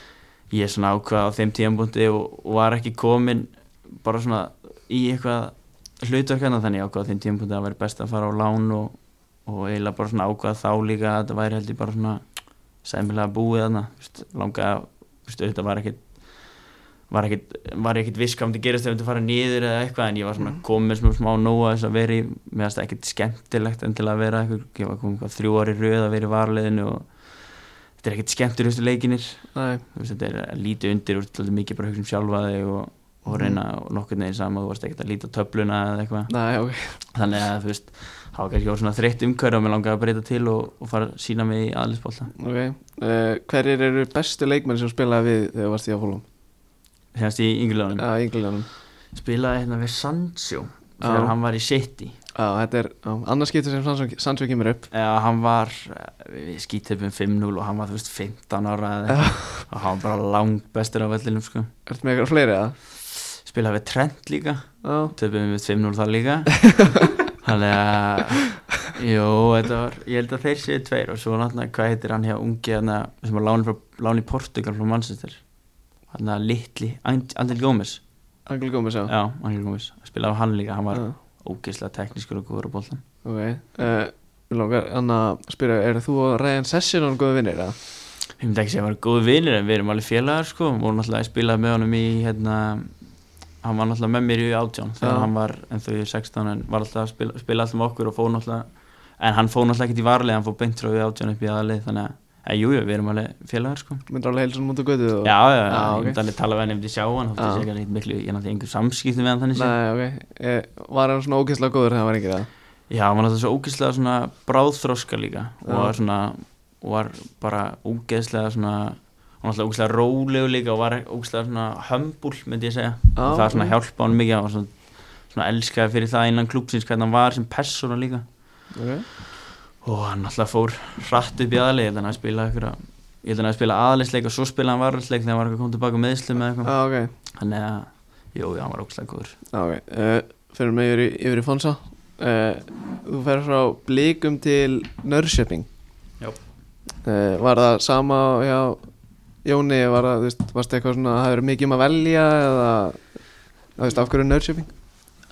á þeim tíma náttúrulega já, ég kláraði tímabili í Pepsi og fer út að skoða aðstæður eftir tímabili í Pepsi til Norrköping og leist mjög vel á sko Mm. mm. rætti við þjálfarana og bara leit allt nokkuð vel út svona ja, upplegið hvernig þetta átt að vera fyrir mig og svona Mm. uh, hafði þá í raun og orði hafði ég þá Norrköping og það var einn annar klubur í Þískalandi sem var svona hafði mikinn áhuga og vildi, vildi sæna mig sko en mér, ég hafði alltaf góða tilfinningu fyrir Norrköping sko Mm. þótt að kannski útkoman hafi ekki verið svo eða þú veist, í- á pari við þá tilfinningu sko Já. en uh, já, bara leist mjög vel á þegar ég fór að skoða aðstæður og fer þarna fer og sem við þá í janúar í framhaldinu Já, ég ætlaði að mynda að koma inn að þú færið hann að Þú ert í Nörrköping og ferð á lán til Landskrona og EF Silvia kemur, og kemur hann að við þú veist, kemur við í fimm leikjum hjá Nörrköping, í aðliðinu Já. Þú veist, af, anna, veistu ykkur að, veistu ykkur af hverju þið tókst ekki að brjótast svona almennilega inn í aðlið? Já, sko, ég lendi svolítið í því þú veist, nú, og nú er ég ekki að spila með sem eitthvað Nei. fórnarlega þetta er bara svona, ég kem út og þá spilum við fjármanna varnalínu með bakverð og, Mm. og þá lítur alveg hlutinni líta frekar vel út fyrir mig að ég geti fæðingi að fara að, fara að fá mínútu frekar fljótlega og bara já, geti brotið mig leiðin í liðið þú veist, geti fengið sjensinn fljótlega en Mm. síðan á ákveðnum tímapunkti skiptu við þarna yfir í 3-5-2 og það var allt í nú bara er ekki pláss fyrir mig í liðinu og Ok. og hérna lendir svolítið á milli staða uh, það er náttúrulega það og sín eru fleiri hlutir sem að spila inn í líka Já. en já, ég lendir svolítið á milli staða og fer þá náttúrulega á lán til Silvía, ég fer á lán til Landskróna, ég fer á lán til Blikana allt Mhm. í fjármannavarnalínu sko. Já, einmitt það sem ég spila svona stöðu sem er meira náttúrleg fyrir mig mm. Ok uh, Og svo ferðið til Böðu Glimt í februar 2020, er það ekki? Já, já. Og ert núna fastamæður í örugglega heitasta liði Skandinavíu já, eru búin að vinna sko 26 leiki, 3 játefli, 1 tap, norski meistarar þegar þú varst að sæna á Bötteglind, varst, þú veist, það eru þú veist, helst þú að vera að ganga til þessu svona upplugt liða sko, ég kem við í Nóri á leiðinu heim frá hérna, Los Angeles með landsliðin í janúar okay. og fæ að skoða stöður og ræði við þjálfarana og hérna, kíkja hans á æfingu og eitthvað og, og tilfinningin var virkilega góð Já. ég var bara svona, ég fekk smá sjokk hvað svona æfingakultúrin var miklu, miklu intensífari þarna Mhm. heldur enn í Norsibing og fæ einhvern veginn á tilfinninguna bara já, já, þetta er staði sem er gott að vera á og vilt bæta þig um, og fer aftur til Norsibing og síðan kem ég til bútt og glimt að einhverjum þrejum ykkur setna sem við á þá og síðan svona hægt og rólega fer ég átt að með á því bara, herri, við erum með drullu gott liðið hérna, Já, bara við getum gert góða hluti já, og æfingarnar eru bara okkur standard sem ég hafði ekki upplegað áður Já. um, og já bara sko, ég kannski fyrst upplifum var ekki að ég var að fara inn í svona yfirgnæfandi lið sko, en við bara frekar fljótlega áttum að rási áttum að sjá því að hérna, hlutinir og kerfið var að virka Já. og það gerða svo sannlega í ár sko. já, ég meina þú spilar 2562 mínúndur og það var eitthvað tíma, það var eitthvað að þú varst búin að starta og spila 90 mínútur í eitthvað þú veist 25 leiki í röð eða eitthvað og svo Mhm. spilaður bara, svo varst eitthvað tekin út af hann einu sinni eða eitthvað Það eru vilja klára það Já, það það verður gaman að halda áfram sko. Já, en uh, nei, nei, þú veist það var- titillin í hús það- og já, ég, þú veist, það var engin það var ekkert á bak við það ég, Nei. hérna, maður ég lapp út af og, og þjálfan segi, þetta var flottu leikur hjá þér en að kvildu fyrir næsta leik Já, þú veist, já. þetta var bara svona, Já, þeir voru farnir að hugsa út í bara nýja hluti, þú veist, prófa nýja hluti skipta munum út af og í raun og veru bara þróa okkar leik sko. já Erum við fyrir mig yfir í Jóndag aftur uh, Talað er um að þú vild, varst komið svona innan geðislega var leið á að vera í fúlam Ferð fer svo ekki þaðan frá fúlam til Vendisel Vensinseljú Já, hvernig á það? Það var bara mjög fínt, fekk náttúrulega var náttúrulega bara að fara með því að fara á lán var ég bara búist við að fá aðlis mínundur og ég fekk það þar þótt að það var náttúrulega skýt fjallum og, og þetta var náttúrulega erfitt en mjög lærdomslið þú veist, við vorum í því líka brasi með að vinna leiki en við vorum samt að stríða svona stóruleðana minna milli en vorum kannski ekki að, að ná ná mörgum stigum á liðin í kringum okkur Mm. en þetta var bara mjög skemmtilega tíðanbyrg þú veist og sérstaklega svona í byrjun að fá að bara svona komast inn í dansstildin og var mun stærri enn í heldrönni fyrir það Okay. þótt að ég var náttúrulega að fara í lang, lang minnsta liðið þarna Mm. og maður sá það líka bara þegar maður var að spila úti og allir þetta var svona miklu stærra en maður bjóst við Okay. og þetta var bara mjög skemmtilegt og, og hérna sé klálega gert í því Og þú ert svo keiftur eftir þetta tímabil til AGF Mhm. Hvernig, hvernig er búið að vera núna í AGF? Hvað ertu búin að vera lengi eða? þetta er annað tíðanbyrg mitt jú, er það ekki? jú, jú, annað tíðanbyrg Og mitt hvernig er það?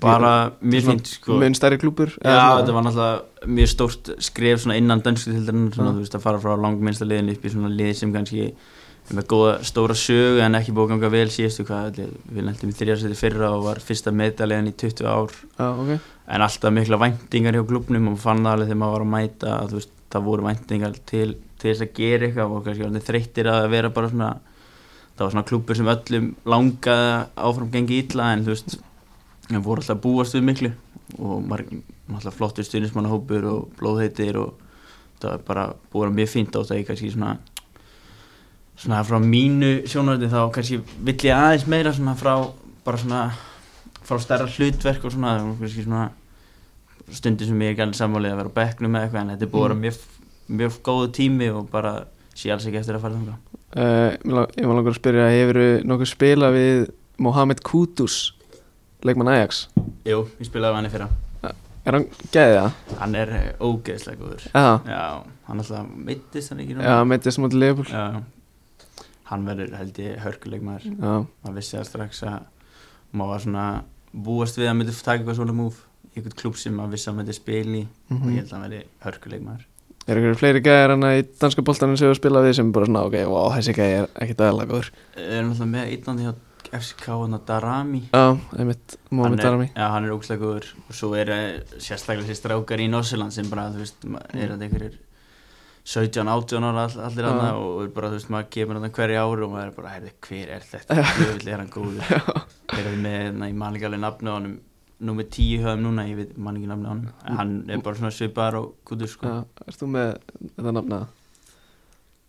Eh, Ég ve- held ég veit ekki hvernig það tala um Já, ég held- Hann ég held er- að hann er líka. Hann er í sömu- sömu stuð á kútu sko Já. og hérna fekk hann þetta raukt á mjög okkur og var búin að vera ógeðislega góð Já, sko. Ég held að hann sé bara fættir árið 2001 Eh. Já. eða eitthvað en eins og Evander í Midtjylland Jú, hann, er, bú- hann var ógeðislega góður síðan stímbli er ekki Já. alveg búin að vera eins góður á þessu stímbli en hann verður ógeðislega góður Herru, þarna, ég er langar að spyrja þig, Alfons Leikurinn á San Siro Þannig frekar skrítið að vera bara strákur úr Kópavegi og svo bara nokkuð mánu setna ertu að spila á móti aðeins í Mílan á San Siro uh, og spila, veist, það er ekki svo að bara vera á bekknum allir tíma og spila 83 mínútur Já. Hvernig, hvernig, þú veist, var þetta ekki bara svona sjokk eða, eða hvað? Jú, eða, þú veist, við náttúrulega tókum æfingu þarna á völlinu deginum áður Mm.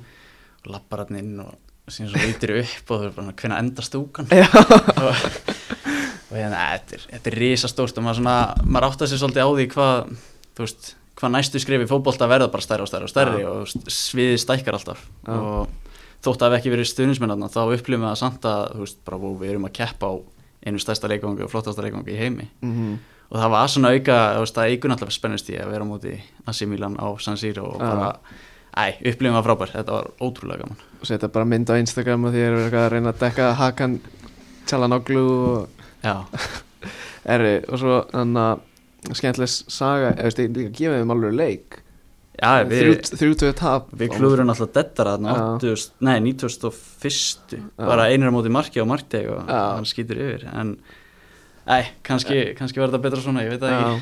uh, já, það er alltaf komið það skemmtileg svona saga Jens Petter Ho- hvernig byrjum maður, er það Höge? Uh, Jens Petri Hauga, Höge, já, Já. hann á ekkert stjörnuleikana leggur upp og, og skorar Já. Þannig að og svo er hann bara komið til AC Milan bara viku setna eða eitthvað Já, flýgum okkur heim, spila leik og þ- síðan frétti við það í liðinu að Asi Mílan sé búið að bjóða og liði bara, já, já, farið Já, ég veist Veistu, við neytum ekki Asi Mílan sko. Nei, og hann fer ánga og hann er búin að standa sér vel já, hann rétt. er fá að spila helling og búin að vera, já, bara Skoraði nokkuð í flottur dag. já, hann- skora á móti bara- Napoli, búin að skora í Europa League, á Já. móti Celtic að já, mér, já. hann er búin að vera flottur sko. Bjóstu við því að það myndi koma og vera bara strax að spila og skora og, fyrir þá já, Ég held að myndi taka hann tíma að svona aðlaða sig að þeirra, eh, kannski ekki þeirra leikstíl, bara svona þeirra leveli. já, En hann kemur bara beint inn, fæ boltan og hann byrjar að kera á menn Já. og þú veist, hann bara spila sinn leik þrátt fyrir að þetta sé Asi Milan og San Siro og, eh, eða Asi Milan úti í Evrópu sko. Mhm. Já. Og að, ég er mjög bara impressaði hvernig hann hefur gert þetta sko. Mhm. Bara f- mætti til Asi Milan og bara tók levelið um leið sko. já. Eh, Þetta minnir svolítið að þegar Ronaldo spilaði æfingarleik við United 2003 spilaði ekki æfingarleik svo bara eftir viku hann kom til United Já. en þannig að hversu góður er, er hann? Hann er yng- á- ári yngri en þú eða ekki? Jú, hann er 99 mótel. Já. Mm. Hann er sko, hann er ótrúlega góður. Hann alltaf spila vinstri kant og ég herri bakur þannig að við á öllum æfingum þá kæftu við hvernig annan. Já, ég mitt en uh, málið er bara að hann er svo hann, hann hefur einhvern veginn þann eiginleika hann getur verið á mjög miklum hraða og skipt um skoðun bara aftur og aftur og aftur Mm. Já. þannig að hann getur verið á leið til hægri síðan fyrir að vinstri, síðan hægri, síðan vinstri Já. hann bara býður eftir að ég ger eitthvað mistök Já, og síðan já. er hann komið fram í þær okay. og það er mjög fái leikmenn sem hann hefur keft á móti sem hann var þennan eiginleika og sérstaklega þessum hraða sko. Já uh, Ef við förum úr leiknum á San Siro Jóndaður yfir í uh, leik á laugatasvelli á mati Englandi Já. Hvernig var það Hvað, var, var, það- var það nokkuð fyrsti landsleikurinn fyrir allast eða, eða varstu Mm, Ég búin held að að fara verið fjóruði eða eitthvað Já, Hvernig er að koma inn á laugatasvelli og svo Já. bara skokkar inn og bara "Ah, Harry Já, Kane náttúrulega. og, Já, já. og, og hvernig, hvernig var þetta? Það var bara geggjað sko, þetta stórt, stórt svið og allt það og líka bara geggju upplifun fyrst og fremst Mm. og bara þótt að endurinn hafi verið hundleðilegur við náttúrulega mistum þetta niður hann í endan og klikkum víti en þú veist það var bara svona eftir að maður bara svona, vá, þetta var geggjað Og svo ferður að spila á laugatasvelli á mati Englandi og svo kemur inn á Wembley -hmm. Hvernig var það? Það var náttúrulega geggjað líka og þetta smá leður þetta hafi ekki verið áhörundur, hvað er þetta, 90 manna vellu eða Já. eitthvað Það hafi verið svona aðeins öðruvísi en þetta geggjað að spila á vembli, svona eitt af, eitt af maður sem maður- maður hefur byggðið eftir sem maður var ungur Já, einmitt uh, og ert, er svo, þú veist, þú ert búin að standa alveg vel hjá AGF, varst bara í liði vikunar bara núna senast, held ég Jú, jú, rétt Já, uh, og ert að koma sterkur inn í, í hann íslenskana landsliði og er náttúrulega ætti við þess að taka við og svona en Ert, og ertu þið nokkuð farin að leita út fyrir AGF eða eitthvað svona stærra múf mm. mm, Nei, ekkert beint þannig Mér langar eiginlega bara svona, þú veist, ég á hvað eitt og hálft ára eftir að samlinga AGF Mm. og mér langar eiginlega bara, þú veist, senast að tíðanbila var þetta svolítið mikið svona að ég var svona smá inni út úr liðinu var samt að standa með þeim mínútum sem ég fekk en mér langar svona að ná meira kannski svona stöðuleika upp í mínútum fjölda í mörgum og stóðsendingum og öll því og, og, svo, og svo fara að skoða eitthvað annað ég er náttúrulega ekki lindamál maður stefnir á að spila á herrasvið Mm -hmm. maður sjá herri, já, mér langar að spyrja á því sko, ég og Maggi, við spilum mikið fútbolmanager og við höfum báði reynslu að Fredrik Andri Björkan Já, vinstri bakari vinstri bakurinnum er það, er það geða spilar eða? Já, hann er, hann er svona mjög komplít spilar sko. Já, virkilega, virkilega góður í sóknarfarsanum sko. fá Mm. boltan og brjóti gegnum línur og svona ok, byrju hvað er hann gamall? 98 mótil 98, já, og mjög mjög solid, mjög solid varnarlega líka sko. Mhm. þannig að svona, eh, bara overall bara mjög svona fullkomið spilari eða, þú veist, Já. hefur, hefur nokkur neginn allt já. Uh, Ég vil veit FM mikið maður Já, Þú veist, Ég keipti henni að gæða bara 13 allstaðar bara, Já. bara solid já, að er nefnilega að nú- Nákvæmlega þannig sko Eh, svo líka ég var eitthvað, ég var eitthvað að skoða uh, hvort það hefur verið já, ég var að skoða liðið ykkar í fútbolmanager eitt gæði sem er heldur nettur Patrik Berg, já djúpið miðmaður er hann góður að? já, hann er, hann er, vé, er svona, er svona eila vélið og hjartað í liðin okkar sko. Já, stýri hvernig við pressum, hvernig við föllum hvernig, þú veist, hann er svona mjög, Mm. mjög mikilvæg partur í okkar liði uh, hvernig er samt svona kulturinn í Bötu Glimt þú veist, og því að sko, þegar ég mann eftir Bötu Glimt fyrir ekkert dalengu síðan þú veist, þá var skilur Oliver Sigur og svona og þeir voru bara svona í ykkur brasi og mm svo bara og langbesta lið, í Ska- eða þú veist, heitast lið í Skandinavíu, þú veist, hvernig er þetta sem er hvernig vinna er hlutina hana Já, eða, þú veist, þetta er náttúrulega gerist ekki veitni nóttu Nei. en uh, þeir, þeir hafa verið að vinna mjög mikið með það að fá inn karaktera sem að fitta þeirra kerfi já, stráka sem að leggja mikið á sig tilbúinur að læra og tilbúinur að hérna, þú veist, spi, vinna í því kerfi sem að þeir setja upp bara svona nokkurn megin svona, hvað að segja skiptir ekki máli hvað þeir vilja gera bara fylgdu kerfinu já, og þá myndu uppskýra lókum en þeir eru líka bara mikið búin að vinna með eins og hugaþjálfun uh, og svona æ, hvað, er, svona vandamála, þú veist, þeir leysa öll vandamálum leiðin á vellinum, mjög mikið um fundi þar sem að bara við sitjum og ræðum saman og þetta er svona orðið kultu þar sem þetta er, þetta er allt mjög opið og Já. getur gaggrínt all og allir geta gaggrínt þig og fullt af leikmennum sem er tilbúin að að leggja hart að sér sko, þið, eru þið eitthvað mikið að eigða mikið á peningum eða hvað? nei Nei, og þið eru bara svolítið svona developið bara leikmenn og svo selja til að smílan eða eitthvað svona Já. akkurat þannig, Já, ég heyrði ekkert í mér nefn daginn að þið eru alltaf í ykkur svona meditation já Er það alveg reyðið það? Já, já, eða þú veist, við erum með valfrjálsa hugleyslu á hverju mótni Ok, hálftíma, hálftíma fyrir morgumat þá setjast við og, og bara þeir koma sem vilja sko stundum eru við, 15 stundum eru við tveir Þú fast ekki að störa? Já, svona nokkurn veginn Já, eða svona allan alltaf að byrja með, mér fannst það mjög gott í byrjun síðan Mm. ferðu aðeins svona átt að því hversu oft þú vilt gera þetta og, og, og hvað virkar best fyrir þig en þú veist, þú bara sest niður og síðan tekur hana 10 til 17 minna hugleyslu og einhvern veginn svona róaði niður og nær fókusunum á réttan stað og síðan byrjar þetta einn þetta er voðalega þetta er voðalega svona effektífu móti til þess að halda, á, halda einbendingunni á réttan stað sko. uh, Jóndagur, er þetta eitthvað svona svipað við ykkur? eða Eru þið með huðlegslega á hverju mótni það? Nei, ég ég á eftir að prófa þetta þar síðan síðan þetta virkið þannig að Já, ég- þetta verðist að virka hann í Já. Noregi, sko Nei, þetta er aðeins öðru í sjókur uh, Hvernig er hann tungumálinn hjá ykkur? Eru þið hann góður í dönsku og norsku eða? Nei, ég byrjar að skilja dönskuna Ég skil eða allt og Já. þú veist eh, En um, ég er ekki byrjar að tala Getur, getur ekki sagt bara Getur ekki bara komið setningu on top of your head eða? Jó, ég get alveg sagt, þú veist, ég er uh, Jóndagur Já. eða, þú veist, eitthvað Það er eitthvað sem allir kunna já. Já, Nei, en ég, jú, þetta fer að koma Ég svona finna það hægt rólega svona eftir að maður byrja að- að reyna Já, Það er eiginlega bara fyrsta sem maður að gera og, og þá kemur þetta hægt rólega Þetta er náttúrulega smá líkt íslensku þannig að maður er svona fljótur að Er Þetta það er samt, nýtt. er það, er það líkt? Nei, maður getur ekki að þetta er líkt en þetta er svona, þú veist Ef þú ert virkilega að reyna þá er Já. þetta fljótt að koma En, en norskan? ég er náttúrulega að tala sænsku áður en ég flutti Já, þannig að það tók mig enga stund að bara svona breyta nokkrum orðum og já síðan er reymurinn svona hægt og rólega að koma og, Ef en við- ég, ég tala bara norsku eða sænsku við strákunar sko Þú talar um að þú veist, þú talaðir sænsku, þú talaðir hann ekkert áður en þú komst ákvað, það er nokkuð? Að, Til, til Nörsjöping? nei ég tala hann áður en ég kom til Norex Já, já, já, já. en ég læriði, ég læriði sænsku lærið sænskunni í Já. síðan.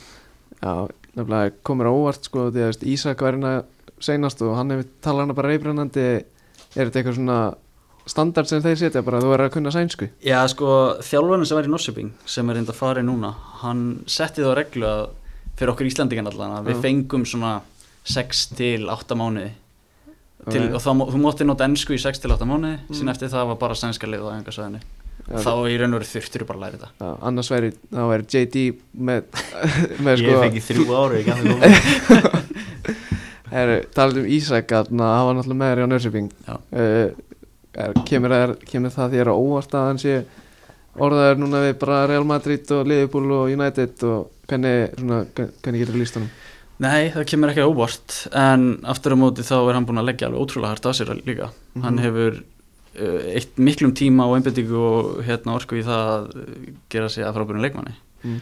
og ég fann það bara þegar hann kom út að þótt hann að vera ungur þá var hann mjög professional í öllu sem hann gerði og ég er full að trúi ef hann, ef hann heldur áfram með fókusun á réttum stað og hérna heldur áfram að leggja hart að sér þá getur hann, þá getur hann aðlónt en það er allt undir honum komið Já uh, Tölum að þessum aðna 121 verkefni uh, það er náttúrulega svolítið svona það er, þarna- það er sett alastisverkefni á sama tíma og að þið við að náttúrulega nýr þjálfari eh, langar ykkur ekki að fara á stórmót með 121 um eða Jú, klálega Já, já. Náttúrulega fyrirliði og, Já. þú, og þú leikjaðistur Já. Þú ert búin að vera hann bara endalist lengi Já, ég, ég á nokkra leikið hana 28 eða eitthvað Æ, ég komin upp í 30 núna Komin upp í 30 Já, Og byrju, þú varst að tala um að fyrir þátt að þú varst fyrirlið Já, ég var fyrirlið fjárfyrir Jóndags Já, í Ah. fjárveri Jóndags Já, Jón, Jóndagur á þetta skuldu Ég mæti bara teka upp keflið fyrir hann Síðan, á það var svæðinu, ekki, sko. var ekki móti Ítali og Írun þá þú veist, þú varst með bandið og svo komst þú og tókst bandið Nei, hann var á móti Ég var í- Ítalíu Ég var á Já, móti á móti Armeníu- Svíþjóð. Armeníu og Svíþjóð já, já, já, akkurat Nei, hérna Luxemburg Svíþjóð fyrir ekki Eh, Æ, við bara tókum báða fyrirlegan inn í viðtalu þannig átt að vera, stórmót næstunni uh, Hvernig finnst ykkur samt þannig að að Addi Vitsi tengið við allaslinu? Uh, bara Jóndagur bara mjög flott ég, hann er flott tjálfæri og náttúrulega við kynst hann náttúrulega núna með utan einslandsliðin og hann er bara ég held að mér henda vel inn í þetta og bara ég held að mér ganga mjög vel kannski meiri sens fyrir ykkur að komast inn í liða sem hann þekkir ykkur kannski eftir það er kannski komið ykkur þjálfari utanfrá og þekkir ykkur ekki jafnvel en Jú, jú, auðvitað snýst þetta náttúrulega bara um að ég held að við sem báðir náttúrulega í þenni tækifæri myndum alltaf fá hvort það að vera æfingarleikir eða ekki þú veist, alvöru leikir, ég held að það snýst náttúrulega um bara að ný- nýta sensinsinn hvort það sé addi eða einhver annar þá breytir það kannski fólitli uh, en eh, auðvitað hjálpar það að hann þekkir okkur og hefur verið með okkur áður bara samlega því Álfons Samröðli Já. Hvernig líst ykkur á reyðilin ykkar í utudænum? bara mjög flottur, náttúrulega frakkar með hörkulið Hitt er svolítið upp, svona, þið geta alveg verið í öðru sæti, sko. Já, já, auðvitað, auðvitað fyrir við þarna með markmið að komast upp þessum reyðli og Já. náttúrulega skemmtilegt að fá Danmörku og svona Mm. Og við náttúrulega, mér finnst þau að sýnta í undakeppninni hingað til að við getum náðu í úslita móti góðum liðum Já, Þannig að ég til ágættist möguleika þarna sko já Jóndaði getur verið að træðstólka vini sína á danskuðana. Herru, aðna bara að lókum, hvernig líst ykkur á liðin ykkar í Pepsi? Alfons Blikar og Jóndaður Háká. Bara mjög vel Við náttúrulega, hvað var þetta, annar tíðanbíl núna í rauður og voru í Pepsi og maður svona var ekki alveg viss að því að náttúrulega annar tíðanbíl er alltaf erfiðar en fyrsta kannski ég haf mikil stemning og það allt sem þú ferð, ferð á í fyr- á fyrsta tíðanbíl en ég held til að hafa bara verið, voru bara mjög flottir í sumar náttúrulega byrjuði tíðanbíl smá ströggli en svo það er eins og gerur búin að gera sem sem þrjú var alltaf setni umferðin og svona þegar líður á móti þá, þá Mhm. komast í inn og það var bara sami upp á teiningum í ár og vonandi bara vinna er á þessu og vera flottur á næst tíðanbíl líka Já, Alfons, hvað er uh, Blikanir? Já, mér líst vel á blíkarni hingað til sko. Þú veist, og blíkarnir eru náttúrulega hafa undarfæran ár alltaf verið með mjög flottan hóp, geða miklan hóp og síðan er bara spurningi hvort við náum út úr hópnum þar sem það er einni sko. Mm -hmm. og síðan held ég allir blíkar hafa verið gladur að sjá binna framlengja í, í, Já. í hvað var ég gerð, fyrir dag Fyrir að dagarni? Já, fyrir dag, þannig að þetta lítur allan vel út og ég hlagt til að horfa að spila sko, þetta verið gaman Maggi, ertu komið með Tæbreykar, tæbreykar? þið stjórnir þessu viljið vilji tæbreykar Já, það er ekki Já, já, það er skemmtilega Alfons Becknam að lokka gefist þig Já, góður ok, við erum semst með European Golden Boy velunin sem eru veitt á hverju ári við erum besta unga leikmann Európu flott í Superjón sko, þú fæst nokkuð gefinst því að það þannig Alfons, þú verð að byrja og þið er bara að nefna eitt leikmann sem hefur unnið þessi velun frá 2013 þetta eru 17 leikmann Býttu þannig að bara ef þú nefnir leikmann Þú fær stig já, bara sem- réttan leikmann þá gerir Jón og ef hann nefnir vittlisann þá ertu búin að vinna Holland, rétt, Mbappé rétt fuck Það er bara búið Nei Holland, Mbappé Sko, frá 2013 nei, frá 2003, sorry Þrjú, 2003 þú veist Golden Boy, hvað er það? Er það 20 og Besti ungi? Já, þú veist, hvað- það, hvað- það er undir 21 Ég veit að, ég veist, mér finnst vera svo eh, líklegt að ég bóki ykkur upp hérna En þú veist, mér finnst eins og Ronaldo væri bara safe, safe bet Þannig að ég ætla ekki að segja hann ok, Viltu ekki taka safe það? Eh, Svipurinn á Magga var eitthvað óþægilega ég gef ekkert upp sko um, ég er eins og hérna. stitta þetta Þú ert eins og stýtt að mm, Fabregas það er rétt Settu, segur hann alltaf Nei Hann samt var uh, Eh, Jú, Kristján Ronaldo það er ránt Nei Alfons með sigur þið sögðu bara ekki Messi Ég verði okkur í Kristjánu ekki heldur hann var bara, þú veist Hann fekk þetta ekki Messi þú Það er veist, reyndar Ég er endur Hvenær- ákvæmt að sko. það þetta er ekkert skilið þetta er alltaf- Vildu vildu nefna Eh, svona nokkur gæði sem er hana? Já, hvað Er Hazard hann það? wow, shit. á, kom aggressífur inn sko Hans þetta er ekki hérna Já, ok, þá var ég fókt sko Rafael Vandi Vart vann fyrsta og svo Rooney, Messi, Fabregas, Aguero Anderson, Pato, Balotelli, Götze Isco, Pogba, Sterling, Martial Renato Sanchez, Mbappe Mattis Delikt, Sjá Felix og Erling Braut Haaland Einn varnamæður á þessum lista Pella Matís til Ég var að fara að hendi í sko De Jong Það hann verið langt líka uh, Já. þú, þú spilaðir ekkert við hana, Ajax Nei. ég sé ég, ég fekk ekki að vera með Nei, ég var, á- ég var, satt, í, hana, ég var í geislunni Já, sé ennþá eftir ég hafa ekki fengið selfie með, með delikt eða klævert eða eitthvað en Shit, hvað ég er búin að heyra þetta oft Hver vissir að ég var í gæslinu á móti Ajax undir 19 þá móti þér bleikir bleikir bleikir að spila mannstu uh, er hana, ég get bara að fara að segja þetta gott leikur að fara heim uh, bara takk aðeins okkur að koma og þannig að bara gaman að fá okkur og vona bara að ykkur gengur sem allra best í framtíðinni og, og bara þá veit ég næst bara góða stendir Já, takk fyrir góðan á Já, bye